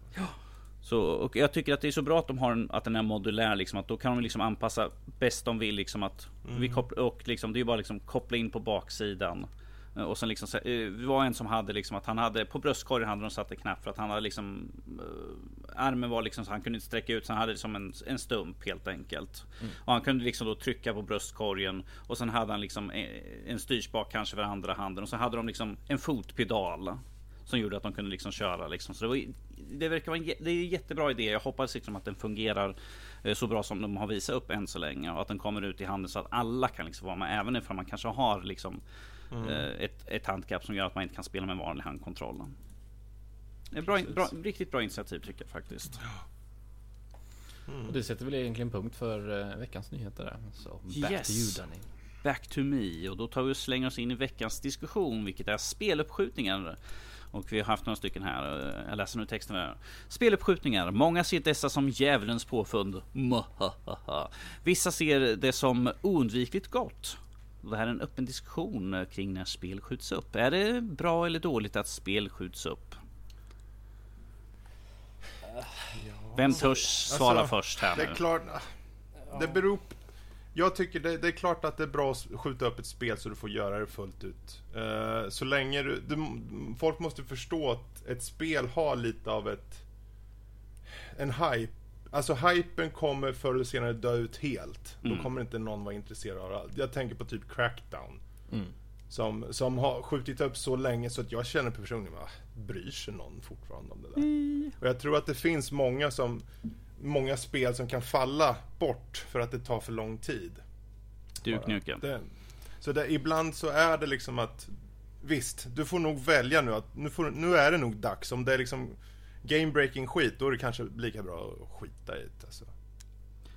Det, Jag, jag, jag känner så här liksom att om det är en uppskjutning som kanske ett, ett halvår, ett år. Då känner jag att det är mer inom en acceptabel tidsrymd. Men ifall de säger att liksom när spelet kommer någon gång så kommer det ut fem år senare. Eller som Duke Nukem som Ja. vilket tog en evighet. Eh, så då tycker jag att kanske ska skippa det eftersom ni, ni verkar inte veta vad ni håller på med med det här spelet. Sen, ja, och sen är det ju såklart att frågan är ju egentligen när utannonserar de spelet? Och hur lång tid tar det tills det kommer? För om de skiter i utannonserare. Jag menar som nu Stalker som utannonseras för att komma ut 2021. Yes. Då är det alltså tre år. Om de nu börjar redan nu och försöker bygga hype. För det finns de som är frälsta i deras spelserie Stalker liksom. Och sen skjuter de upp det då om tre år. Ja då får de fan skylla sig själva om de tappar folk alltså. Så det hänger lite så här, det hör lite ihop tycker jag. Men om, avvakta och kom ut med spelet. Om, om du inte, om ni, jag förstår att ni har kanske aktieägare som, eller rapporter, årsredovisningar och sånt som behöver visa upp. Men avvakta, annars kommer en speluppskjutning bara bli fucka med eh, folks liksom, förväntningar och så. Tror jag. Jag blir, jag blir lite såhär, alltså när, jag, när jag hör om en utannonsering av ett spel liksom. Så här, spelet är liksom som, som de gjorde med Final Fantasy 7 liksom. Den nya. Mm. Now in production eller vad det nu är. Now in development liksom. Why? Precis. Eller, eller vad var det här förra året? Det här eh, uppföljaren. Ehm, som de utannonserade på E3. Oh, med apan. Eh, eh, Beyond Good and Evil Beyond 2. Good and Evil 2. Spelet var, de hade, det där var liksom allt de hade av spelet. Det där Mm. var allt de hade, den där trailern liksom. Trailern var förvisso fenomenal, tyckte jag. Gjorde mig, gav, gjorde mig väldigt intresserad även fast jag inte har spelat första spelet. Och det har ju tydligen ingenting att göra med första spelet i alla fall, så whatever. Men liksom, varför ge oss en trailer som ser väldigt cool ut när ni inte har gjort någonting för resten av spelet? Det känns så meningslöst, tycker jag. Fast där tycker jag nog lite att det, man måste nog skilja lite på de som utannonserar ett spel bara för att visa upp vi arbetar på en sak Mm. och de som visar upp ett spel och säger det här kommer komma ut ungefär då. Ja. För, för de två, den som bara säger liksom ja, vi har ett spel, vi arbetar på Final Fantasy. Vi säger inget om när det kommer. Den kommer komma om, det kan ta hur många år som helst. Fine. Då finns det ingen liksom, datum som folk kan liksom, bli irriterade på. Men varför kommer det inte ut? Som om de hade sagt att Beyond Good and Evil kommer att komma ut i slutet på 2018. Mm. Och sen så skjuter de upp det ett år. Ja men då får ni, då skulle jag bli jävligt Men det, sur. det finns, jag tycker ändå att det är vissa av sådana här spel som är Som man vet att folk blir hypade på, som Final Fantasy till exempel du, De vet att folk kommer bli liksom, ah, när kommer det? Och så kommer de inte med någon information, då blir folk frustrerade istället Över det hela. Jag tycker att det Det är ju man- samma sak som med Kingdom Hearts 3, Jo, vilket ja, de nej, jag inte har tänkte ta upp det också ju. liksom. Kingdom Hearts 3. Det har ju varit liksom så här, de hade en fucking eh, Kingdom Hearts logga för typ 3-4 år sedan eller någonting på E3 nu. Och eh, Kingdom Hearts 3 liksom, åh, oh, oh, när kommer det då? Liksom. Och sen så har man fått lite snippets här och där liksom, men vi har inte fått någonting release. Så skulle det ha kommit ut förra året egentligen, men så här, så det, Jag tror, tror att studios, vissa studios blir lite så här eh, att de de känner att de måste få ut det, no, no word om det. Men varför? Varför måste de göra det? Jag, varför måste de få den där hypen tre år innan spelet faktiskt kommer ut? Varför inte hypa skiten sex månader innan det kommer ut? Då det faktiskt kommer vara liksom kvar i folks huvuden. Ja, no, det här kommer snart. Därför att man vet liksom att inom spelindustrin det tar lång tid för ett spel att bli klart och ifall de får ut det liksom hypen tidigt så kommer det alltid ligga kvar i folks bakhuvuden och sen ifall de kommer med en ny trailer då liksom bara just det, skit, det här kommer ju snart. Oh. Jo, men det, jag tror Kommer hypen igång igen ju. Jo, jo, men studios lider ju så mycket då om de då måste efter ett år eller något annonsera ah, nej men tyvärr vi måste skjuta upp det här ett år till. Uh, Ja men då, då är det ju... Fast nu är vi inne på mer av eh, att nu snackar vi mer om releaser som utannonseras för tidigt än speluppskjutningar. Ehm, ja nej men alltså, annars jag menar ju på till- att, eh, att li- när de väl när de väl måste skjuta upp det så lider de ju väldigt mycket av, av just den uppskjutningen beroende på Jo, jo, hur, men det var ju hur det tidigt exakt jag liksom. sa förut. Ja. Så. Men jag tänkte ett, ett bra exempel annars är ju Shenmue nu 3 som har blivit uppskjutet. Ett spel som kom som en Kickstarter och gjorde en stor grej av på, var det Sonys? Yes. Kanske, jag med det. Sony. Och de sa att det skulle komma ut i år. mm, har jag för mig. Och eh, särskilt nu med tanke på att ettan och tvåan ska komma ut i år. Och så skjuter de upp det igen, för jag har för mig att har skjutits upp tidigare. Um, och då tänker man, ja men vad fan, de, de som ändå varit hype och så skjuts den upp ytterligare en gång. Jag vet inte hur många som... För det är ju spel, som det här spelet som är en rem, det är inte en remake, men det är ju det är en fortsättning som måste behålla en typ av spelmekanik antar jag, på sätt och vis. Och kanske utseendemässigt, även om de kan höja båda områdena. Men jag är rädd bara att vissa spel, om du gör en uppföljare på någonting, som om, för tre år sedan var liksom, då var spelmekaniken standard ungefär då. Men vi utvecklas och de utvecklas så långt, det tar sån tid så att en, stand, alltså en, en spelmekanik eh, idag skiljer sig så pass mycket från vad som var för 3, 4, 5 år sedan. Så att folk kommer inte tycka om det, det känns för gammalt redan när det kommer ut. Mm, mm. Um, och det tror jag kan bli en risk för många spel, som att om du skjuter upp som Last Guardian som sköts upp jättelänge till mm. exempel. När det väl kom ut, det hade, när, när, om det hade kommit ut tidigare så kanske folk hade hyllat det mer för att det kändes mer unikt. Men sen när det tog sån tid och folk ja, och sen kommer det väl ut, då har ju förväntningarna höjts i skyn och då tänker de flesta bara, jaha, var det allt? Som Half-Life 3. Och den reaktionen vill man ju inte få liksom. jag, jag, tror att, jag tror att det finns en, en viss grej, alltså skjuter de upp spelet sex månader, ett år eller något sånt där En gång, de säger ah, nej men vi behöver lite mer tid Va, Vilket mm. spel var det? Var det Witcher 3 som de gjorde det med? Där de sa liksom, där de kom ut och sa nej men vi behöver lite mm. mer tid för att liksom Precis. för att, Då hade de redan hållit på att utveckla spel i typ fem år eller något sånt där ja. Och då säger de, ah, nej men vi behöver mer tid för att polera och fick, verkligen få ordning på det här vi, Ge oss ett år till eller sex månader eller vad det nu var för någonting det är helt fine. Jag tycker att det är helt okej okay om de kommer ut och säger liksom anledningen till varför de måste liksom Att de känner att nej men det är inte riktigt klart Vi behöver lite mer tid Vi kommer skjuta ja. upp det Men då tycker jag att på något sätt så måste de då hålla den nya tiden i så fall Uh, för, jag tror också... Det, förlåt, jag skulle bara... Uh, nej, men, nej, men jag skulle bara säga uh. det. Uh, för när de väl skjuter upp det nästa gång då.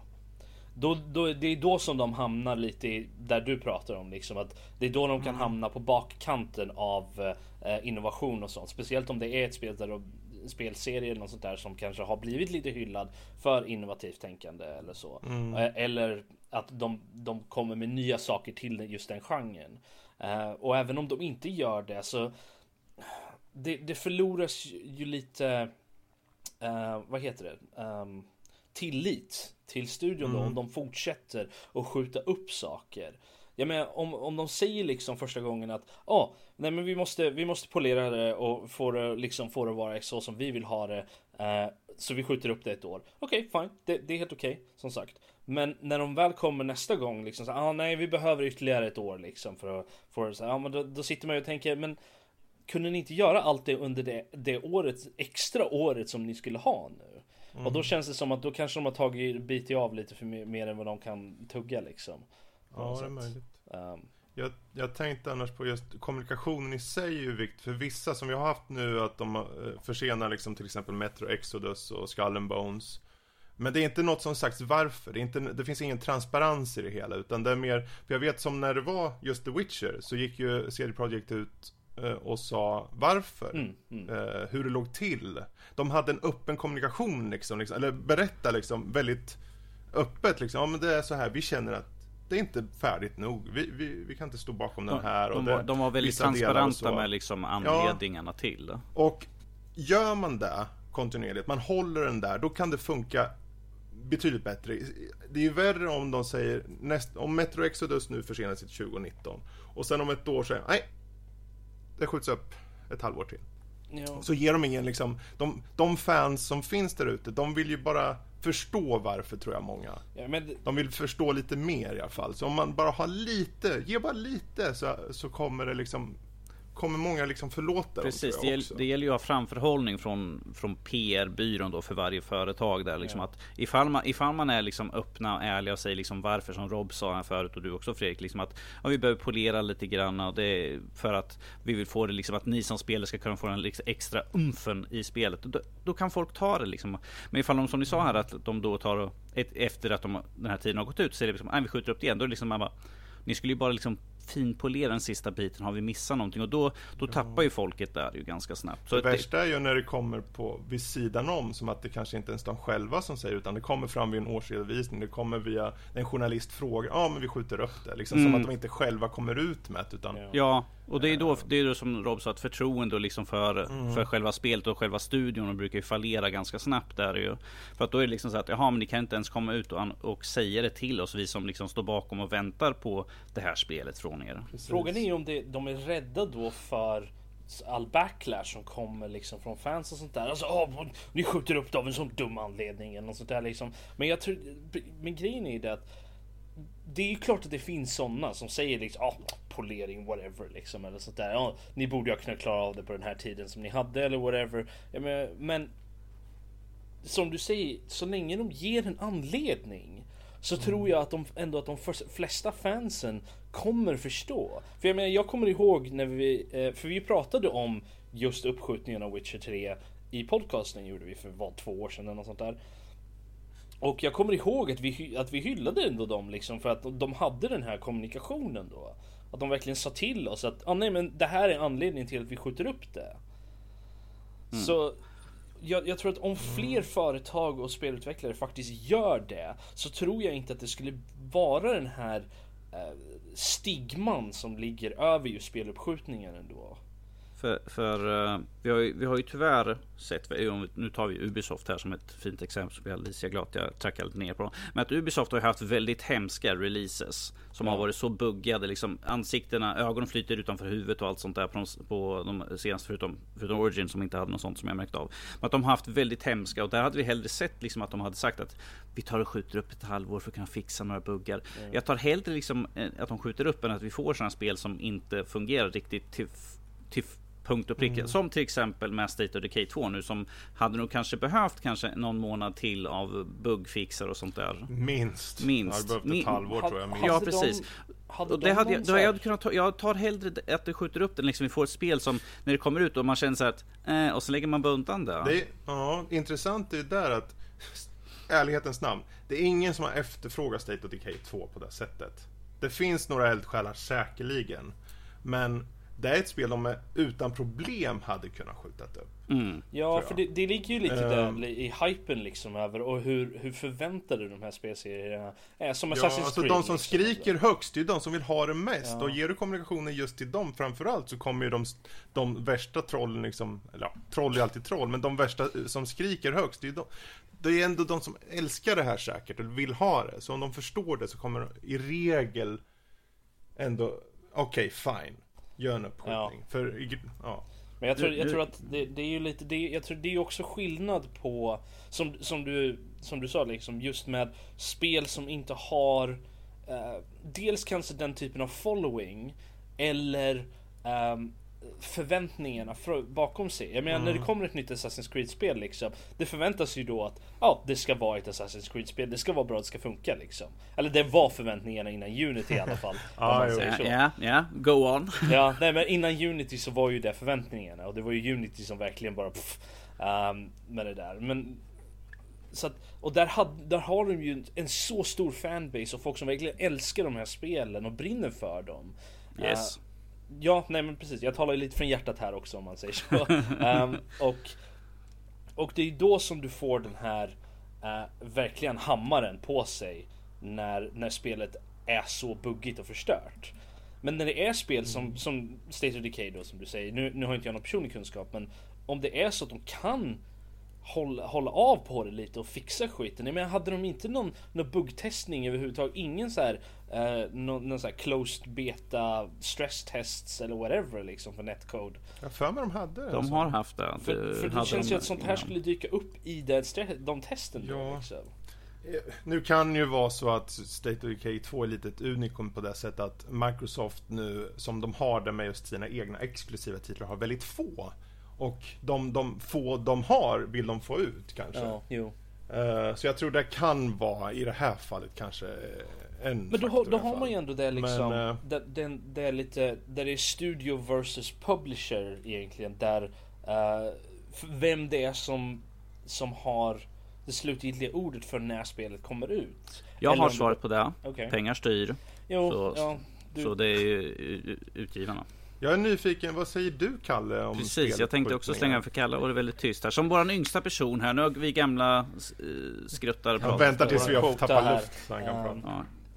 Kalle, hur ser du på speluppskjutningar? Nej, nej men eh, alltså Fredrik har ju absolut en poäng, poäng det här med att hypen kommer dö. Intresset för ett spel kommer dö så småningom om man bara fortsätter skjuta upp hela tiden. Men som en generell tumregel så tycker jag att bara, alltså bara jobba så länge ni vill på ett spel. Eh, Sen så är det kanske lite klumpigt att säga att ja, men det ska släppas här och så måste man skjuta upp det, skjuta upp det.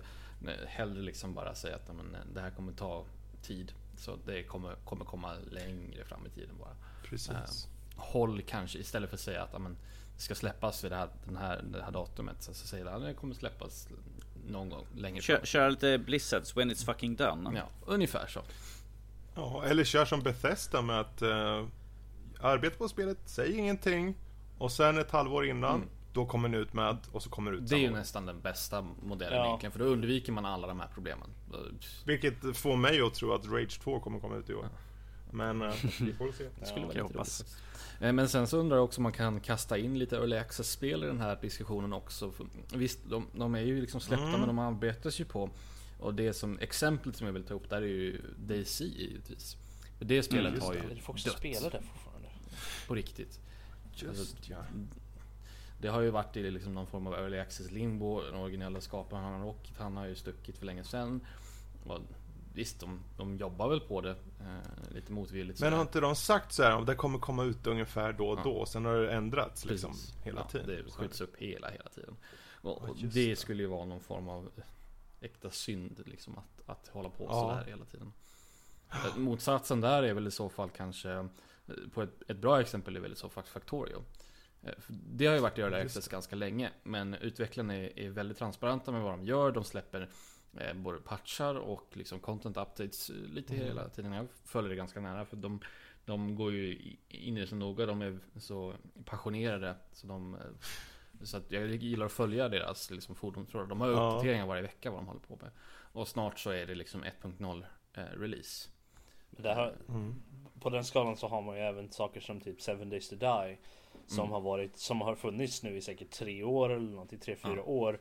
Och det blir ju konstant bättre. Men de är nästa, nästa eh, stora content patch som de släpper, vilket de gör en eller två gånger om året typ. Mm. Är Alpha 17.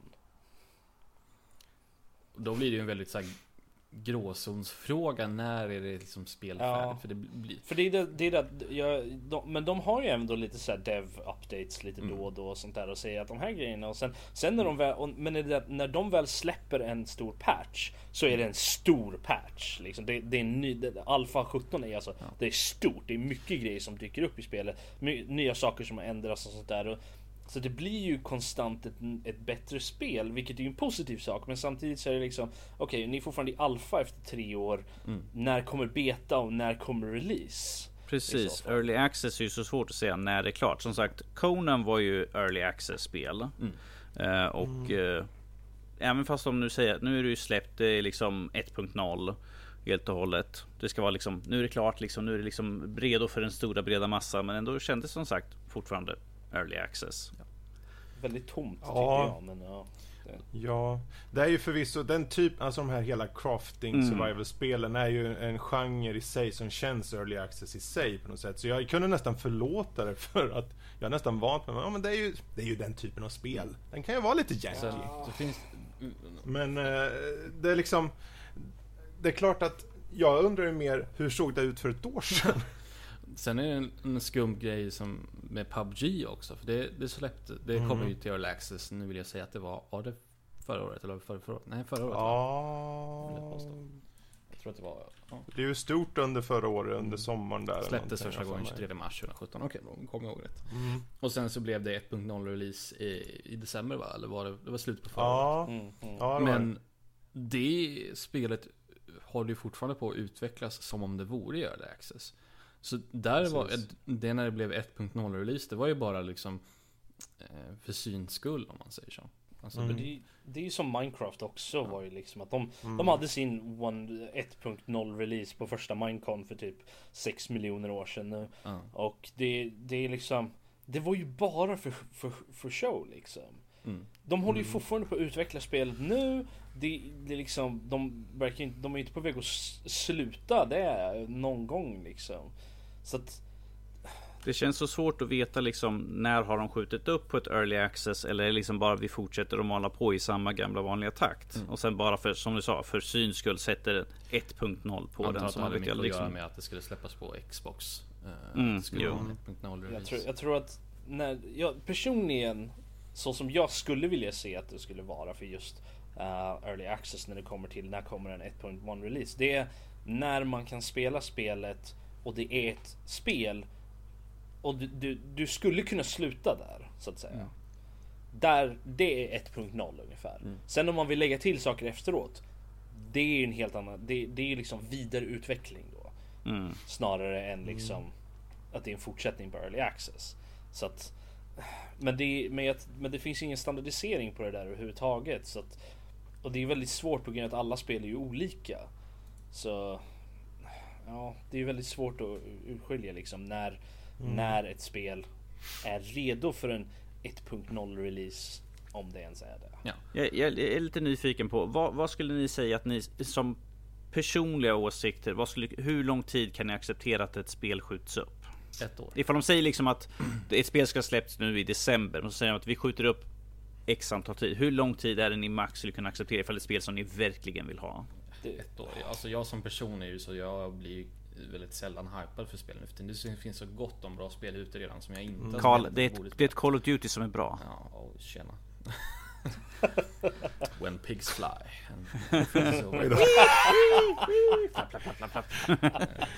Karl äter nordlivpodcast.se om ni vill eh, säga vad ni tycker om kod. Som ni också hatar säkert. Eller hur? det är bara att skriva. Eh, jag tycker också ungefär ett år eh, är väl maxgränsen. Eh, jag, jag fun- det är bra fråga faktiskt, för jag funderar på det nu och tänker, men om det är något jag verkligen vill ha, för jag funderar på Cyberpunk till exempel. Mm. Nu, kan, nu kanske vi kommer få se det på, på E3. Och kanske ett datum. Kanske inte. Men om vi får ett datum och då funderar jag, för det är, så, det är ett spel som på grund av hur bra Witcher 3 var som nu i efterhand är nog ändå bäst, nog det bästa spelet jag har kört. Punkt. Okej. Ja, Faktiskt. Hö, hö, hö, Det är, Jag så, hörde det här det är så, så nära perfektion som ett bra rollspel ska vara. Jag tror fan Ja, det. absolut. Och de, den hypen gör nog att jag, jag har så mycket cred till dem nu. Så att jag funderar på om... Är, jag tror nog jag skulle acceptera två, tre år kanske. till Jag tror. För, beroende på hur de kommunicerar, kommunicerar ut faktiskt. För när, när visade de upp, eller när uh, offentliggjorde de att de skulle släppa Cyberpunk? Ett, två år sedan någonting. Cy- Cyberpunk var ju, det var ju Witcher 3 var inte ute ens Nej. när, när de utannonserade det. Mm. Så att det är ett bra tag sedan. Oj då, då är det ju minst Ja, tre för jag kommer ihåg att vi pratade om det i samband med Witcher 3. Alltså att det, Ja. det är någonstans där omkring i alla fall. Så att det, det är ett bra tag sedan.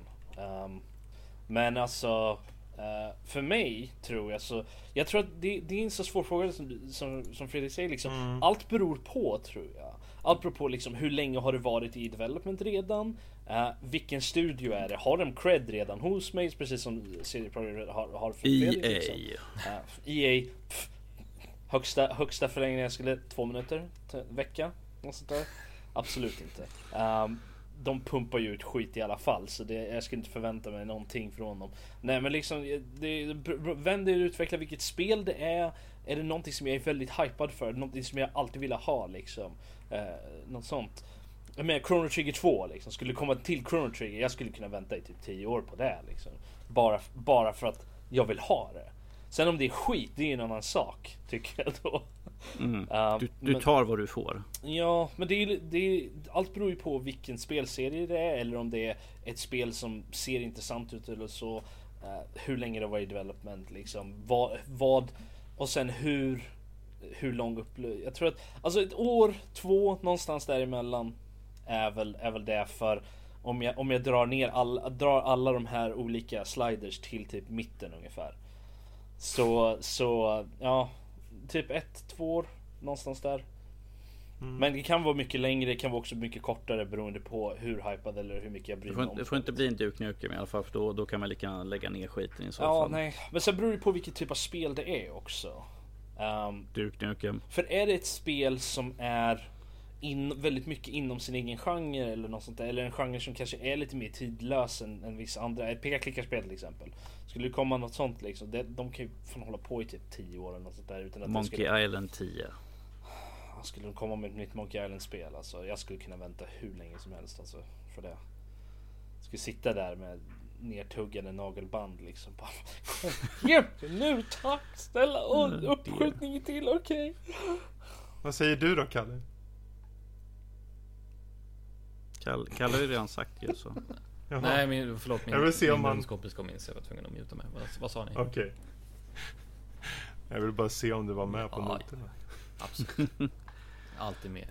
Ja. Jag, jag säger ett halvår, ett år liksom. För att jag jag ser liksom ifall de har satt ett datum då är det då de har räknat med att här ska vi ha spelet klart. Och jag, då ser jag liksom att efter det så ska det bara vara liksom den här finpolering. Det kanske är bugfixar. Det är kanske någonting de ba- bara måste in och pilla lite några små detaljer och sånt där. Jag ser att ifall man tar längre tid än det i så fall, då är det ju något större problem med spelet.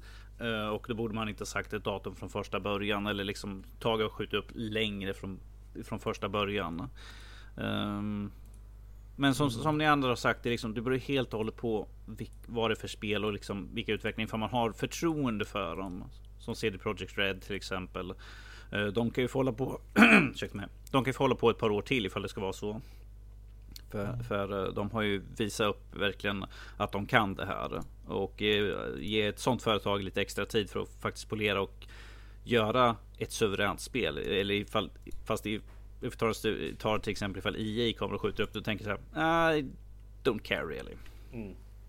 Då skiter jag i det och liksom ifall det kommer så kommer det liksom. Då kanske jag kan kika på det. Det, det är ju lite, nu tänker för som du säger nu, om EA kommer och skjuter upp, de skjuter ju aldrig upp egentligen. Nej, då, alltså, I- i- de har ju den här för att principen de- att det ska ut nu. Det spelar ingen roll ifall det Ja. fungerar eller inte.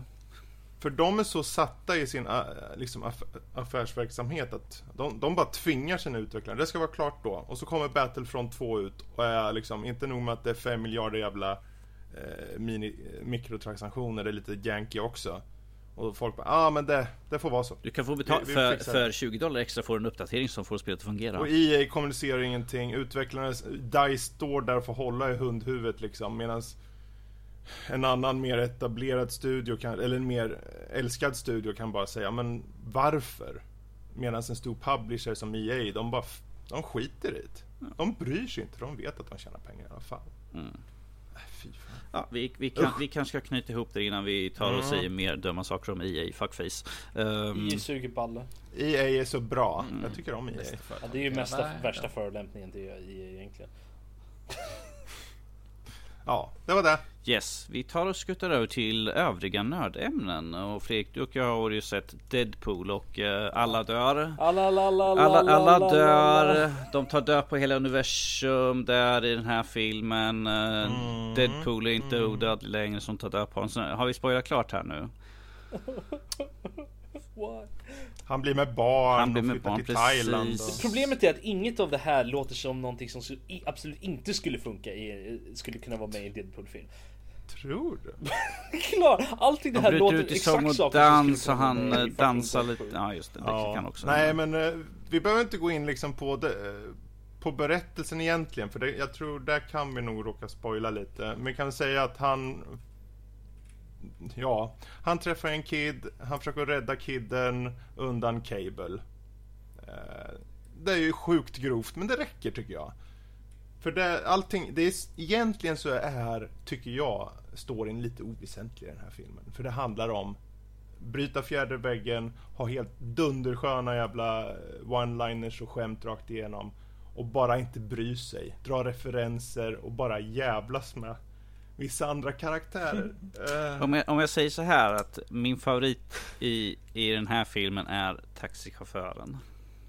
jaså, jag tyckte han var lite så eh. Jag tycker han är så skön för han är den mest off, han är liksom Ja. den minst, minst farliga person man kan Han liksom bara, jag vill bli lönnmördare också. Man bara, what? What the fuck? Jag tycker bara om scen liksom, de sitter i taxin och, och, och det sitter andra människor i baksätet och pratar och samtidigt så sitter Deadpool och svörlar runt med fingret i håret på Och smeker han över kinden så man bara, Ja, äh. precis! Man bara, vad är det som händer här? och Ehm. han bara sitter, hmm. Om, om, vi, om vi tar fr- till, den här filmen till skillnad från eh, första filmen känns jag har lite, har lite mer känslomässig respons. Eh, den har lite mer djup än första filmen var väldigt, som var extremt over the top. Medan jag känner att den här så har Deadpool en lite mer eh, tyngd i liksom varför han gör som han gör.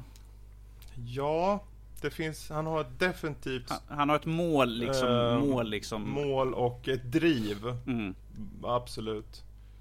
Däremot tyckte, det vart nog nästan lite, det var, han, de har ju dragit upp eh, referens och fjärde väg-grejerna till 150%, 200% här liksom känns det som. Mer än i första. Och det vart nästan lite för mycket ibland tyckte jag. Ehm, särskilt i slutet när det var en scen som var lite mer utdragen vart jag bara, ja men få det gjort nu då. ja just det, ja, okej. Det, det, liksom, det fanns en del Du tänker, på, du tänker på den här när han onanerar den här flygande grisen? Eh, Okej. Ja, okej. Ja. Kalle kommer bli Men glad. eh, alltså överlag är det en bra film. Alltså du kommer gå på, se den på bio eller hemma. Det spelar inte, det är ju ingen bioupplevelse i sig på det här sättet. Men eh, det är en bra, un, det är riktigt bra underhållning. Är det ju, Mm. kort och gott liksom. Det mm, mycket referenser, coola, lite roliga karaktärer. Både seriehjältekaraktärer, en del roliga cameos. eh, ja, och eh, annat smått och gott. Nästan en film värd att ha en spoilercast på. Mm. Jag ger en sju bävrar av tio. Mm. Good. Fredrik. Ja, The Rain. är är rain. Är. Hur säger man? Regn? Jag vet inte hur man säger det på danska. Rain, Men Inte det jag, är inte jag heller. regn. Regn. Vad är The Stoppa Rain för potatis i någonting? munnen bara så funkar det. Regn. Nej, det går inte. Där förlorar jag alla danska lyssnare. Ehm, Netflix Alla danska lyssnare. Ja, alla tre. Det är Lars två, och... I, Ett, noll, minus ett, minus två. Nej. Eh, ja, vad är Rain? Jo, det är en dansk serie som handlar om eh, ett virus som sveper genom populationen. Och hur förs viruset? Jo, när det regnar. Får du en droppe på dig, du är körd. That's it. Det är grundkonceptet eh, liksom konceptet av det hela. Och det handlar om en tjej, eh, och, en tjej och hennes bror som hamnar i en bunker, eh, kan man säga, med hjälp av hennes far eh, och mor. Eh, och efter det så händer mm, stuff som gör att eh, hon och brodern blir ensamma där. Allt det här är i första avsnittet, så det här är en premiss nu för egentligen, det kommer på riktigt igång efter första Fredrik. avsnittet. jag älskar Ja. stuff i saker. Ja, men eh, de blir kvar där i fem år. Oh shit. Och eh, till slut så tar det slut på resurser och de måste ta sig ut och de har ett mål och det är att ta sig uppåt genom Danmark och upp genom Sverige. Faktiskt. Okej. Så eh, det, konceptuellt så har det en hel del. Det här är lite Walking Dead i eh, svensk fauna. Eh, skandinavisk Walking Dead, typ. Ehm, på vissa sätt så är det det här med regnet i sig och vad som har skett för att få viruset i regnet. Det är ganska intressant faktiskt. Ehm, Är det, har- är, är det liksom man får information lite spridda skurar sådär? Ursäkta Ja, pannan där. och men- vem har gjort det? Och varför, är, varför eh, vad är anknytningen till eh, just de här två personerna till viruset? Mm, en, dju- Till exempel. Det där, finns då. mer där. Mm. Eh, Det, det finns mycket potential i den här serien och jag har svårt... Det problemet jag hade först och främst, jag, jag fattar inte vad de säger för fem sekunder, för danskan här är så sjukt svår. Jag hade subtitles, det var det enda sätt för mig att fatta vad, vad de än sa. Eh, Men jag har alltid haft svårt för danska, så det, det finns säkert andra som kan förstå. Minus fem danska lyssnare helt plötsligt. Nej men det är ju bara jag som har svårt för språket. Det det är ju inget fel i språket liksom. Men, eh, eh, men det innebär också tyvärr att jag har svårt kanske ibland att riktigt se hur bra skådisarna är. Ehm, sådär. De, de flesta som det handlar om i den här, för det blir ett litet eh, gäng som tar sig upp genom eh, Danmark och sen Sverige.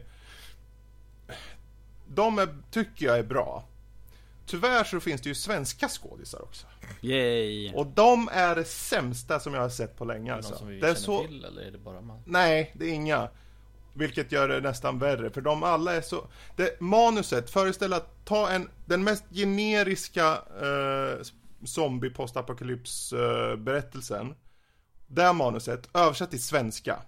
Så styltiga, så styltigt och dött när de svenska skådisarna kommer så att jag nästan bara, "Nej, men snälla, Åh nej! håll er i Danmark. Vad Jag, är det där?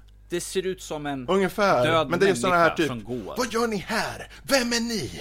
Vad gör ni? Det, det är jag det bara, där, men, nej. alltså det är det problemet jag har med Jag är en doktor! Jag kan hjälpa dig, men jag vet inte om jag borde. Alltså, Man bara, alltså, nej. alltså det där är det där problemet jag har med svensk TV och film överlag. Är det för alla de jag har sett, tittat på, även om det bara är typ 10 minuter av det eller något sånt där någon gång. Eller i någon trailer bara. Det är det att det låter alltid som att de har tagit, tittat på amerikansk TV eller film eller whatever liksom och tänkt det där är en bra replik. Låt oss översätta den till svenska. Vilket gör att Precis. den Det låter... är exakt så det Ja. känns här Ja. inom svenska. Jag kommer tillbaka. Ja, det Ja. Men det är det, kom det känns ihåg att det, eh, det är just specifikt de svenska skådespelarna som är, alltså det är så träigt känns det som och manuset då blir så tydligt ehm, nästan enkelspårigt på något sätt. Du har den, fa, den du har en eh, Big Boss Bad Guy i Sverige. What? Okej. Och han är Big Boss Bad Guy för att han är Big Boss Bad Guy. Är det hans namn? Big Boss Bad Guy? Jag vet inte vad Jag han sitter och tänker så jag bara, jag bara Solid Snake? Men det är liksom, det, det känns, det, det är det dåliga med serien om vi säger så. Mm. Eh, men tack och lov så är det inte så mycket svenskar med. Uh. Utan det är mycket För, danskar. att- för att vara en Eh, film som utspelar sig, är en tv-serie som utspelar sig upp genom Sverige så är det inte så många svenskar med. Nej, men det handlar ju om det här gänget först och främst. Och det är interaktionen mellan dem, vad som händer dem. Mm. Hur, hur de liksom utvecklas lite under resans gång. När de får reda på saker, när vissa saker händer dem. Hur det påverkar dem när det händer saker och så. Vilket funkar.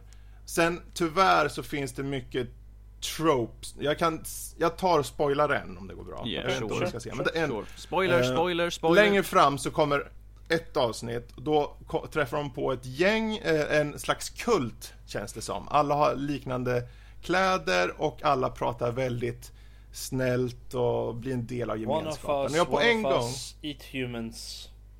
Ja, exakt så är det. De var kannibaler. Och det såg jag på en gång. Jag tänkte de här kommer äta upp dem, eller vilja äta upp dem. Jösses. Och det var de. Det Men det, det är för att det alltid Och- finns minst en Ja. i varje så här Ja. postapokalyptisk här grej. Yes. Och det, jag kände på en gång, ja men okej, ett, de här, det känns religiöst men de har inte någon religion sådär. Det är en kult, okej, de kommer äta upp människor. Och mycket riktigt, en av karaktärerna hittar en, en typ överkropp i en frys typ så här. Och man tänker, ja, ja, ja, just go on with this. Gå härifrån, jag, jag har sett det här så många gånger. Och det finns en del, inte alltid, men det finns en del sådana här nästan eh, tropes typ som kommer med. Men det är inte för ofta. Men när det händer så tänker man bara, åh, snälla gå vidare nu. Men är, är, det, är det en produkt Men- av att titta för mycket på TV dock? Och sett alldeles för mycket TV-serier och filmer? Det är möjligt, men tyvärr är det ju att den kulten är också svenskar allihopa just nästan. Så det är ännu värre alltså. Och eh, de är, var ju nästan ännu sämre än den första svenska tjejen som kom in. Och jag bara, åh, de bara, här pratar vi alla bra med varandra och nu ska vi sätta oss ner och prata.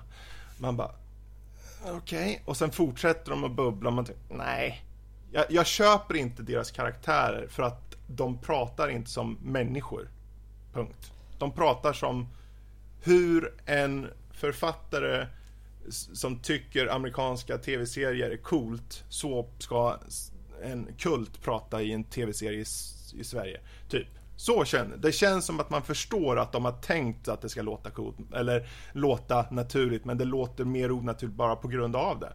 Så det... Någon, någon som har skrivit en replik men aldrig hört den sagd liksom ungefär ja, det, så. det känner jag igen. Jag känner igen sånt. Men Ja. du, du är frågan, jag har, jag har en fråga. Tror du, Mm? i och med att svenska skådisarna är så jävla dåliga, tror du att de danska skådisarna också är så dåliga, men på grund av att du inte förstår vad de säger, eller kan inte liksom, Jo. så du kan inte riktigt bedöma om de levererar sina repliker dåligt eller inte? Mm. Ja, men det, jag var inne på det, liksom. jag har svårt att avgöra riktigt. Men utifrån min reaktion bara på hur de är, rent instinktivt, så känns de bra. Okej. De flesta, inte alla. Vissa är lite mer styltiga, men överlag så är, funkar de. Särskilt tjejen i huvudrollen. Tyvärr är hennes bror... eh, Okej, hennes bror är jobbig. Han as. Men karaktären är jobbig, så det kan vara där. Jag har svårt. Han, men han känns lite trä, men han är jätteung. Så, ja, okej, fine. Men hon var väldigt bra. För det, för det är en sån där grej som jag alltid tänker på när jag tittar på Mm. någon serie eller något sånt där som inte är eh, som inte är varken svensk eller engelsk liksom, där jag inte kan förstå vad de säger. Även i så här, amerikanska Mm. filmer, tv-serier, när de helt plötsligt börjar prata spanska eller något sånt där, så tänkte tänker, alltså låt, är det rätt? Är det liksom, pratar, är, skådespelar de bra på spanska här liksom? Så här. Mm. Ja, det kan vara så svårt. det, det, det är väldigt svårt att avgöra på grund av språket är så annorlunda och de har ju liksom sina Ja. egna, um, vad ska man säga, expressions liksom och, och, och sådana saker. Så det, men, men ändå så tycker man att när, jag tänker efter så borde man ju kunna avgöra det lite på grund av danskar är ju typ som svenskar Mm. fast sämre bara. Um, Precis.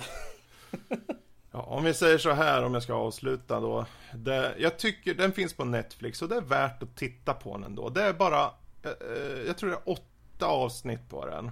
Ehm, och eh, överlag så är det en okej serie. Och det, det är båda för en ny säsong. Och jag tror om den får en säsong till och den får lite av de där Netflix-pengarna och kanske skippar, nu sitter de ju lite fast i, i Sverige kanske. Men om de kanske bara tar in eh, Släng ut lite moneys va, får lite bättre skådisar va. Eh, Så kanske det kan ordnas ändå. Jag har- jag har- jag en är fråga då. nyfiken Jag har en fråga, eh, Fredrik. mm, tror du Ja. att serien hade varit bättre om den hade varit eh, engelsk eller amerikansk? Liksom? Att den var gjord på det språket liksom med de, de skådis- med, med brittiska eller amerikanska skådisar eller vad det här blir. Jag vet inte. En del av the lore, liksom, det, det, alltså en del av attraktionerna här är ju också för att det är just i Skandinavien. Och hade det varit i utlandet, alltså hade det varit en engelsk produktion, då hade man ju verkligen sett det förut. Då hade man ju nästan bara, nej, jag, ytterligare en sån där serie. Okej, okej. Nu, jag tror att en del av attraktionen med den här är också för att Okej, här har vi en dansk, en, en första danska Netflix-serien Som är relativt välproducerad Och full on skandinavisk. Så det i sig är ju en attraktion i det. Hade de lagt det i England, då vet jag inte om ens intresse hade funnits För det finns ju så många den här Mm, typen av serier. Men Ja, kanske Ja, jag tänker väl li- liksom säger- överlag ja. i skådespelare och liksom stories kanske så. Ja. nej. Men Kanske. I alla fall, de här danskarna upplever jag i alla fall som bra. Mm. Och särskilt hon i huvudrollen, hon tycker jag är bra. Så ge den chansen då, tycker jag. Medan danskarna, Kanske danskarna kanske tycker att åh, våra, våra skådespelare är totalt värst, men de svenska är riktigt Mycket bra. möjligt. Mycket möjligt. Ja, kanske. Yes. kanske. Durain. Ja. Mm, mm. Fredrik, Nej! Barry. Vad är det? Vad är det? Ja. Du, Ja, ta, ta en gnutta mord, Aha. ta en gnutta mörk humor Yes. och ta en gnutta en kille som, nej, jag vill inte längre vara en hitman. Jag blir en det är skådespelare. mina vardagar. Mm, Då har du Barry. Ehm, det är faktiskt... Den var... Jag kom över av en ren slump. Jag hörde om det liksom på någon så här eh, YouTube-kanal. De pratade om det lite löst. Jag tänkte, hmm, kan väl titta första avsnittet. Och sen såg jag hela säsongen. Ba- Det- bara det- sådär. Hittar de misstag och sen hittills. såg jag allting. Ja, det är just det där med att han, han, han, gör, han är bra på att vara hitman. Han är väldigt bra på att vara hitman. Han, han eh, är eftertraktad i princip. Och hans boss kan man säga, som spelas av en kille som heter Steven Root. Eh, han lurar nästan in honom på att göra liksom, uppdrag, för det är mycket pengar och han har gott om pengar och så. Men eh, han ska ta ut en skådis Eh, bara för att den här hade satt på någons eh, hustru eller någonting. Så han ska, han får ett uppdrag, ja, skjut den här killen. Så han, han kommer in på en sån här eh, teaterställe och bara för att få information, men råkar tas liksom av misstag som en, en skådis som är, det är en så här, det är en ehm, teaterskola är det. Okej. Och ehm, ja, du där, kom med här. Han bara, What? nej, ja. Och då kommer han upp på scenen med den här killen som han då ska ta ut. Mm. Eh, så de... Eh, ja, de gör en scen tillsammans och sådär. Och så självklart så är det ju en tjej där också. Och hon på något sätt ser honom och pratar med honom på ett sätt som han inte har varit van med. Hon, hon ser honom verkligen på, så att säga.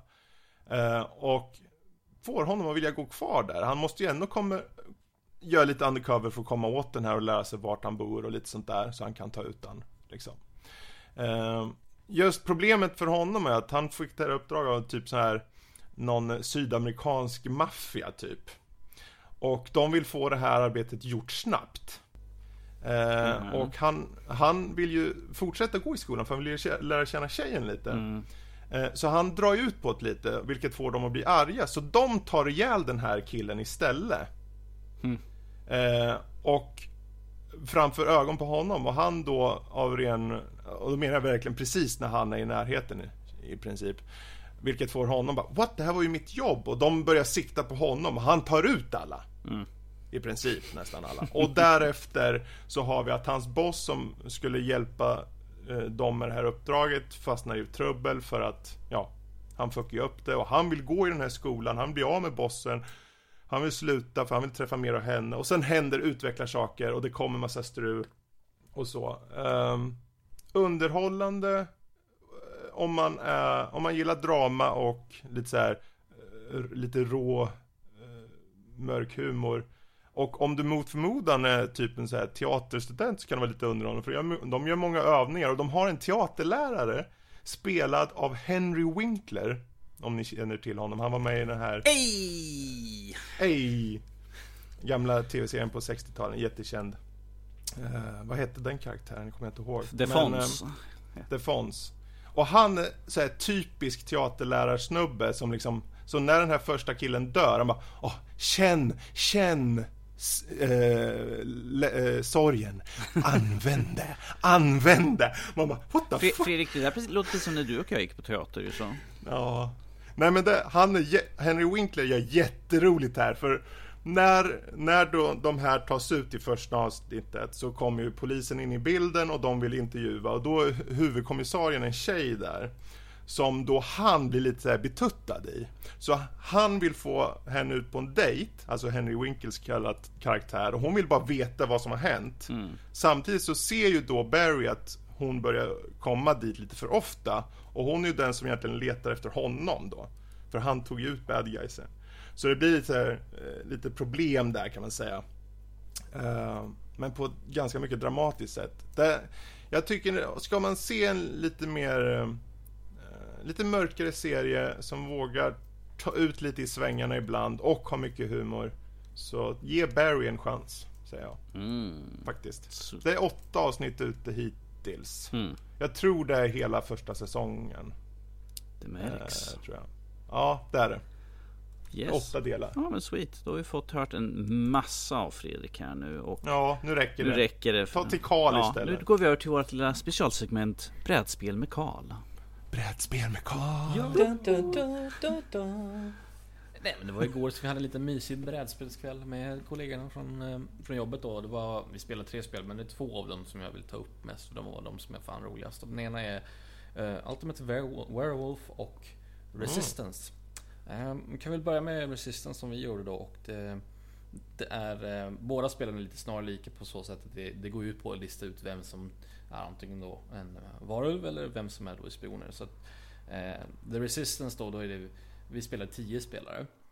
Ehm, och då är det eh, fyra spelare som är spioner, eh, sex spelare är the resistance då, motståndsrörelsen. Ehm, och då ska man gå ut på, på uppdrag. Och sättet det här går vidare på att man ska, en spelare får ett sånt här litet ledarkort och han ska peka ut så många människor, alltså vad ska man säga, medlemmar som behöver vara med på ett visst uppdrag. Så uppdragen kräver tre, fyra eller fem medlemmar då. Eh, Så då får man eh, lägga fram så jag vill att de här tre ska med. Och sen så får alla i hela gruppen då rösta om man godkänner det här eller inte. Eh, Röstar är majoriteten ja så får de gå vidare och göra uppdraget. Röstar de nej så går eh, eh, rollen som ledare vidare till nästa personen med, med lus då. Mm. Eh, Men sen så, låt oss säga då att de, alla de här godkänns då och sen så går de vidare. Eh, Då får man eh, Eh, uppdragen i sig, det är ingen, de är ingen detalj i sig utan det, man får bara välja om man vill att den här eh, uppdraget ska eh, lyckas eller inte. Och i det här fallet så, så räcker det med att antingen Det räcker med att det finns bara att en person som skickade på uppdraget lägger en fail. Förutom vissa, de sista uppdragen så krävs det två fails då. Ehm, så, och spionerna vill ju givetvis att uppdragen ska misslyckas. Det är först till tre poäng då, så att antingen att Resistance lyckas klara av tre uppdrag eller att eh, Mhm. spionerna eh, lyckas stoppa tre uppdrag helt enkelt.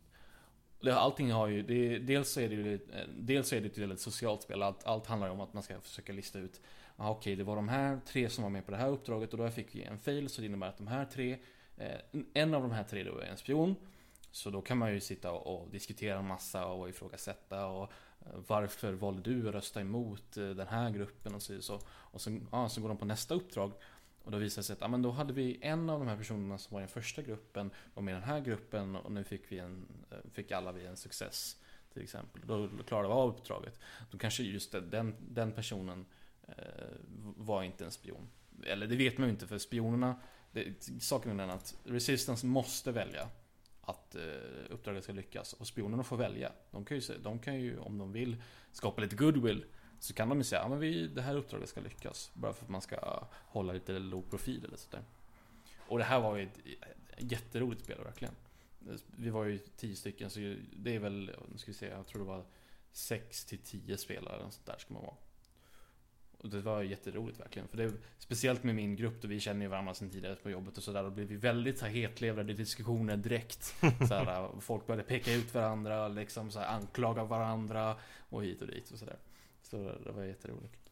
Eh, så det rekommenderas starkt och det är inte speciellt dyrt heller. Eh, vi köpte det på, på Dragon's Lair. Jag tror det var en 200 där. Så att det var lätt att komma in i.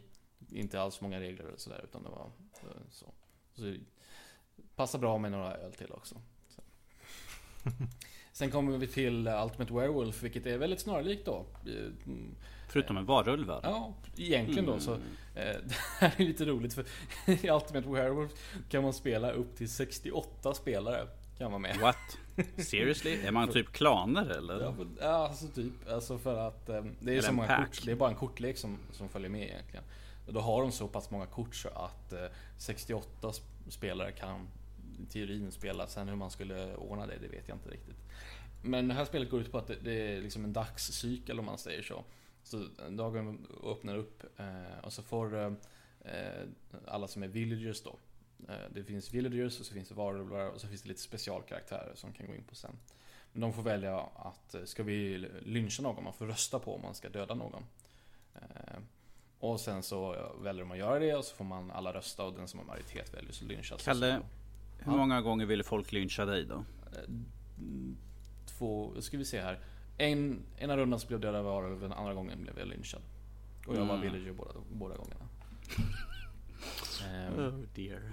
Men sen så blir det natt och villager, alla somnar och alla får stänga ögonen. Och sen så får eh, varulvarna få öppna ögonen och peka ut Eh, en person som ska dödas. Man har en moderator med som inte är med och spelar utan Så att de behöver liksom bara öppna ögonen och peka ut någon och sen så går moderatorn ut och eh, väljer upp dem. Eh, och det är hela spelupplägget då, så målet är ju att eh, eh man ska, eh, villagerna ska lista ut vem som är varulv och varulven ska lyckas döda alla innan eh, de blir lynchade helt enkelt. Sen finns det lite specialkaraktärer också som man kan kasta in. Vi, vi började med bara köra basic där det bara liksom är eh, varulvar och villagers. Men sen finns det lite specialkaraktärer då i form av en seer. Eh, som kan, eh, när alla andra sover så får de vakna upp och välja ett kort. Eh, välja en person då, vars kort man då får vända och kolla på.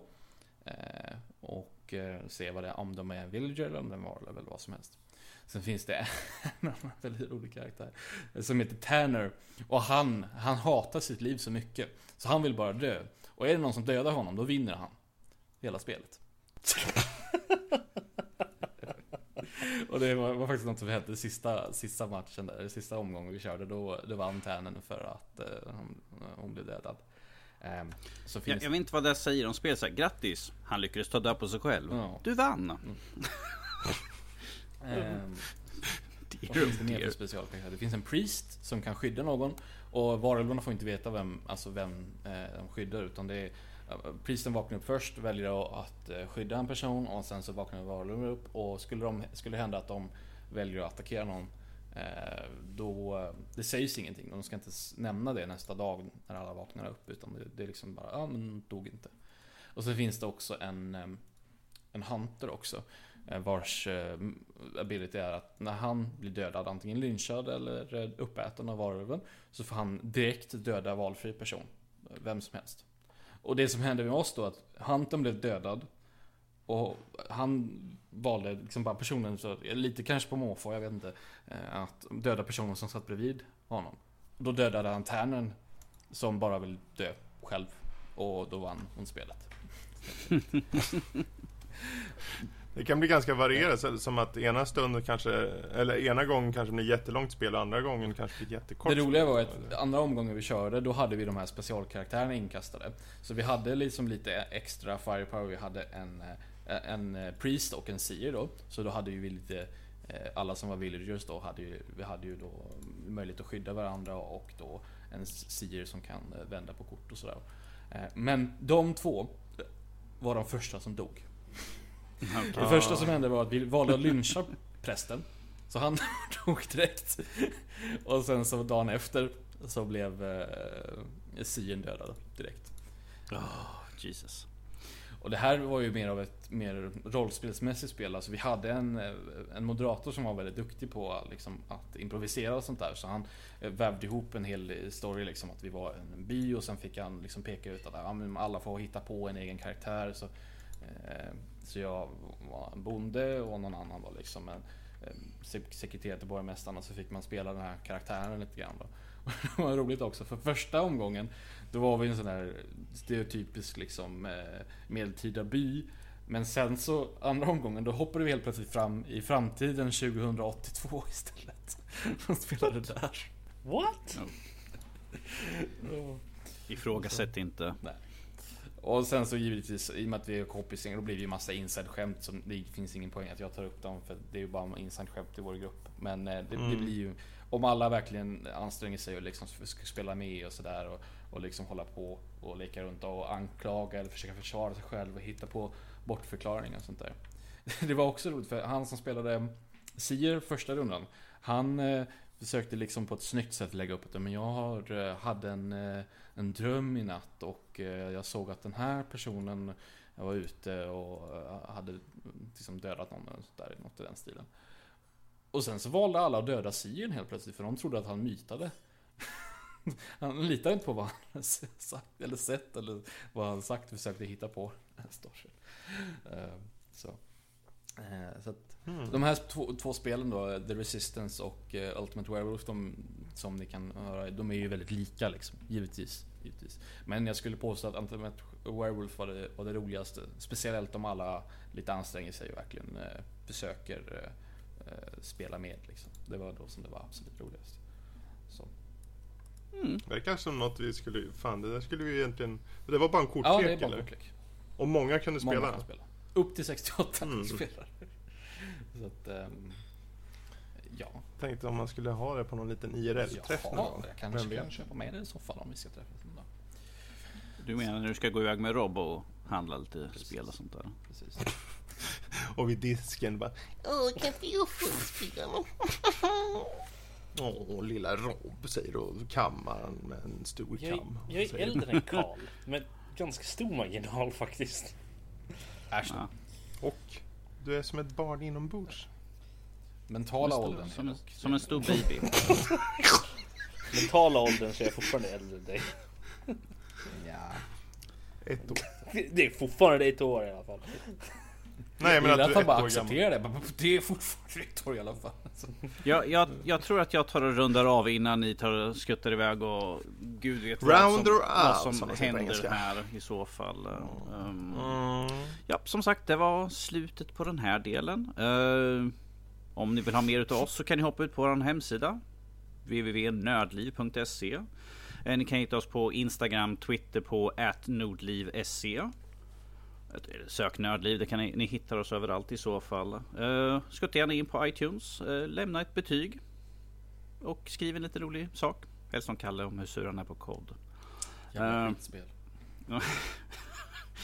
Yes. Eh, eh, ni kan ju också, eller så kan ni skriva direkt till oss om ni vill prata, som vi sa det förut, att ni kan nå oss eh, ifall ni vill nå oss rent allmänt så är det info at nordlivpodcast.se eller som sagt om ni vill beklaga det vad Kalle tycker om eh, kod eller EA så är det karl at nordlivpodcast.se. De mejlen dimper in rakt i telefonen så jag kommer nog svara ganska snabbt om det är någon som mejlar någonting. Det är din åsikt, fuck you. Oh dear Jesus Christ. Eh, om ni vill köta med oss så brukar vi ibland hänga ute på våran Discord. Eh, länk till det finns på våran hemsida. Eh, vi är ute till och från. Det finns inga speciella tider vi är ute utan det är liksom hugget som stucket när vi är online där helt enkelt. Om ni, om ni ser att, att vi är där så skriv gärna med oss i så fall. Det vore kul. Ja, men har jag glömt någonting? Har jag missat någonting? Nej, jag, titt, jag tittar på min lilla lista här och allt ser ut att checkat och klappat och klart. Så, så då får vi helt enkelt tacka för oss den här veckan och hoppas att vi hörs snart igen och kramas och mysa ihop när vi sitter här och pratar om spel och andra nörderier. Jag ska döda bebisar i The Forest. Ja, gud. Ja, just det. Du spelade där med Max, ja. Okej, för att Fredrik ska få mer tid att mörda bebisar, citera inte Baby Killer. Baby Killer Olsson. Så får vi tacka för oss. Vi hörs. Toodaloo. Säg. Toodaloo. Hello. Bye. Baby Killer.